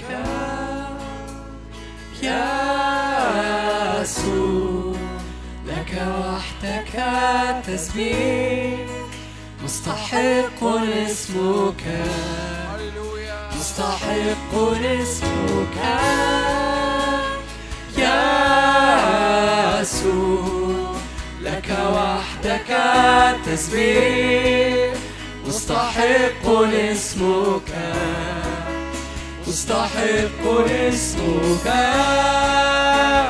يا يسوع لك وحدك التسبيح مستحق اسمك مستحق اسمك. يسوع لك وحدك التسبيح. مستحق اسمك مستحق اسمك. يا يسوع لك وحدك التسبيح. مستحق اسمك. مرتفع فوق السماوات مجدك يملأ المكان لك وحدك التسبيح اسمك فوق كل اسم مرتفع فوق السماوات مجدك يملأ المكان لك وحدك التسبيح اسمك فوق كل اسم. مرتفع فوق السماوات. مجدك يملأ المكان. لك وحدك اسمك فوق كل اسم. اسمك فوق كل اسم. مرتفع فوق السماوات. مجدك يملأ المكان. التسبيح اسمك فوق كل مرتفع فوق السماوات مجدك يملأ المكان مستحق اسمك. مستحق اسمك. يا يسوع لك وحدك التسبيح مستحق اسمك مستحق اسمك. يا يسوع لك وحدك التسبيح مستحق اسمك.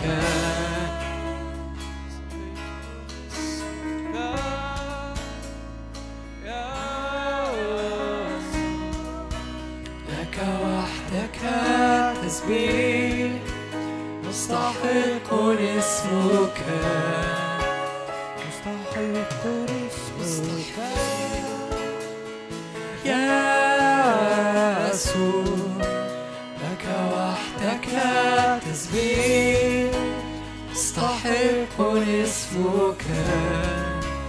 مستحق اسمك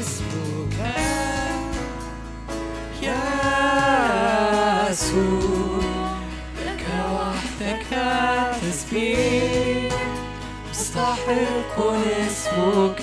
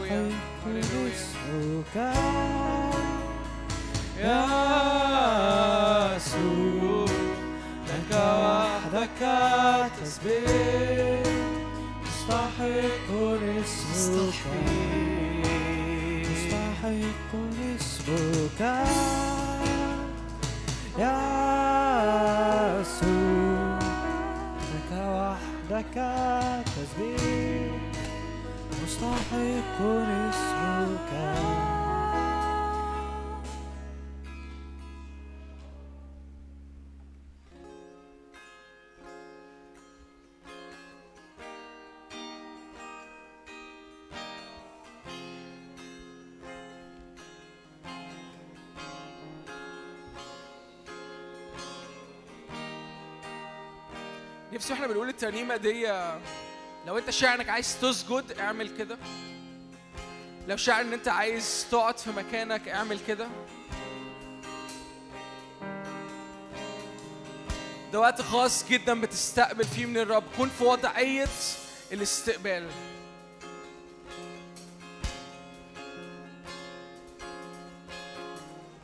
اشعر بحرية في المكان لأن الرب في المكان.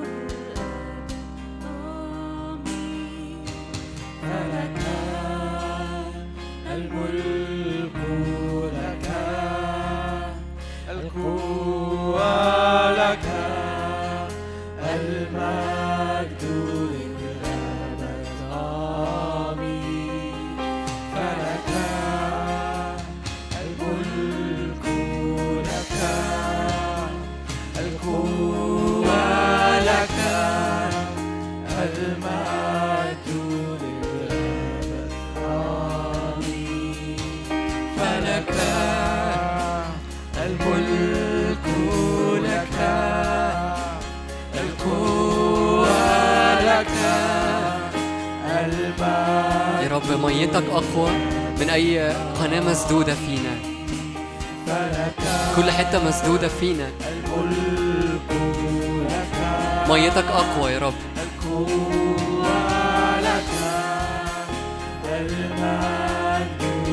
يا رب لا انسداد يا رب.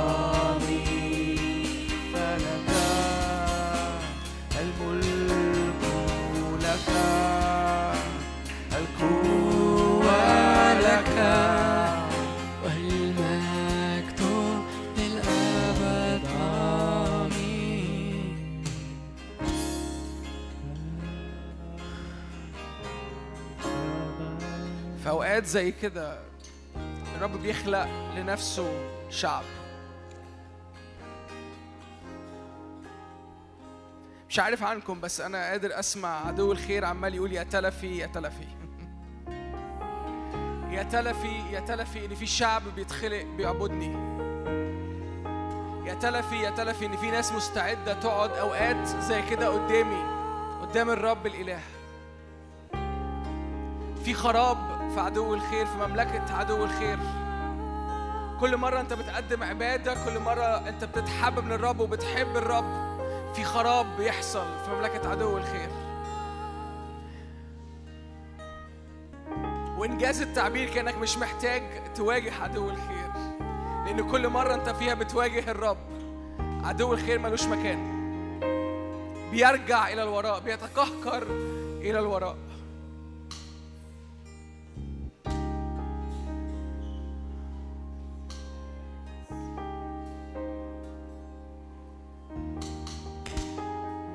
في الأوقات اللي بتتحب فيها من الرب الرب بيعرف يخلق لنفسه شعب. بيعرف يعيد خل- خليقتك بيعرف يعيد إنه يخلقك من أول وجديد حسب صورته وحسب شكله.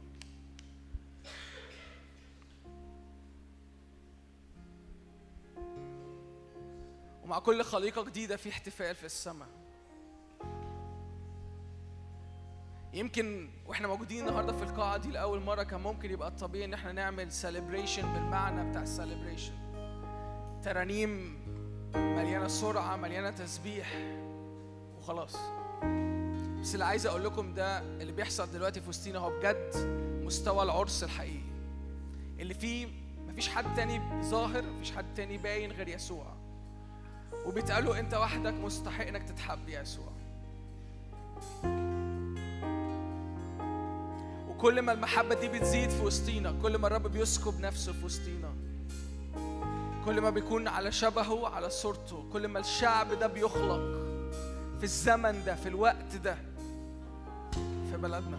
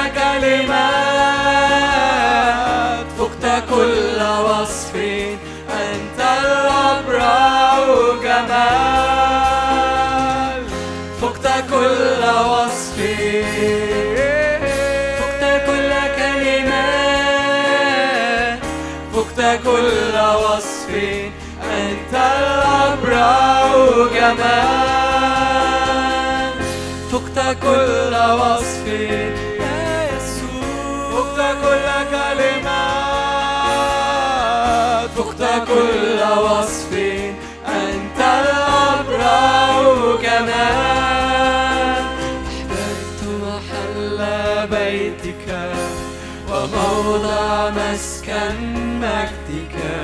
أدخلني إلى الحجاب. أحببت محل بيتك وموضع مسكن مجدك أدخلني إلى الحجاب فقت كل وصف فقت كل كلمات فقت كل وصف أنت الأبرع جمال. كل وصف فقت كل كلمات.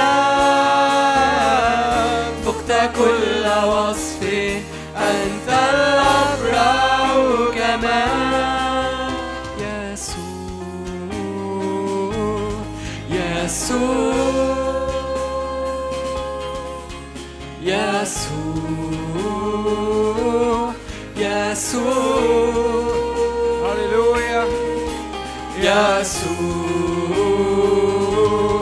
يسوع.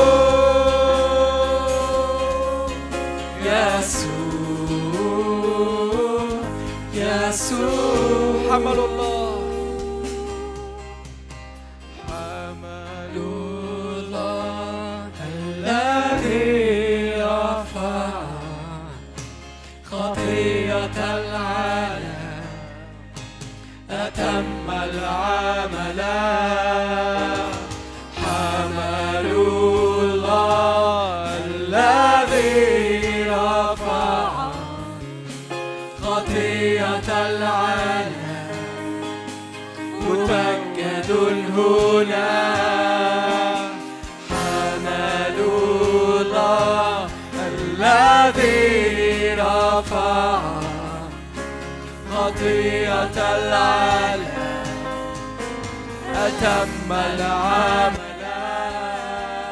حمل الله الذي رفع خطية العالم متأكد هنا يسوع يسوع يسوع. يسوع يسوع يسوع يسوع هللويا هللويا يسوع يسوع وإحنا في نهاية الاجتماع كده نفسي انك تقف معايا. تعالوا نشكر الرب على كل اللي صنعه في وسطينا النهارده. تعالوا نشكر الرب على المكان الجديد اشكر الرب على البيت اشكر الرب على العيلة اشكر الرب على الشعب اللي بيخلق. اشكر الرب على مسحة الإيمان اشكر الرب على أرض القداسة اللي بنستيب انتو اللي بندخل إليها. اشكر الرب على الزمن الآتي. تعالوا نشكر الرب على هذا الزمن على هذا الزمن. في زمن بيبتدي في زمن جديد بيخلق عشان الشعب دوت. تعالوا نشكر الرب من أجل كل أمور بتصنع تبقى إلى الأبد في اسم الرب يسوع. هللويا. ما أمجد اسمك ما أكرم اسمك.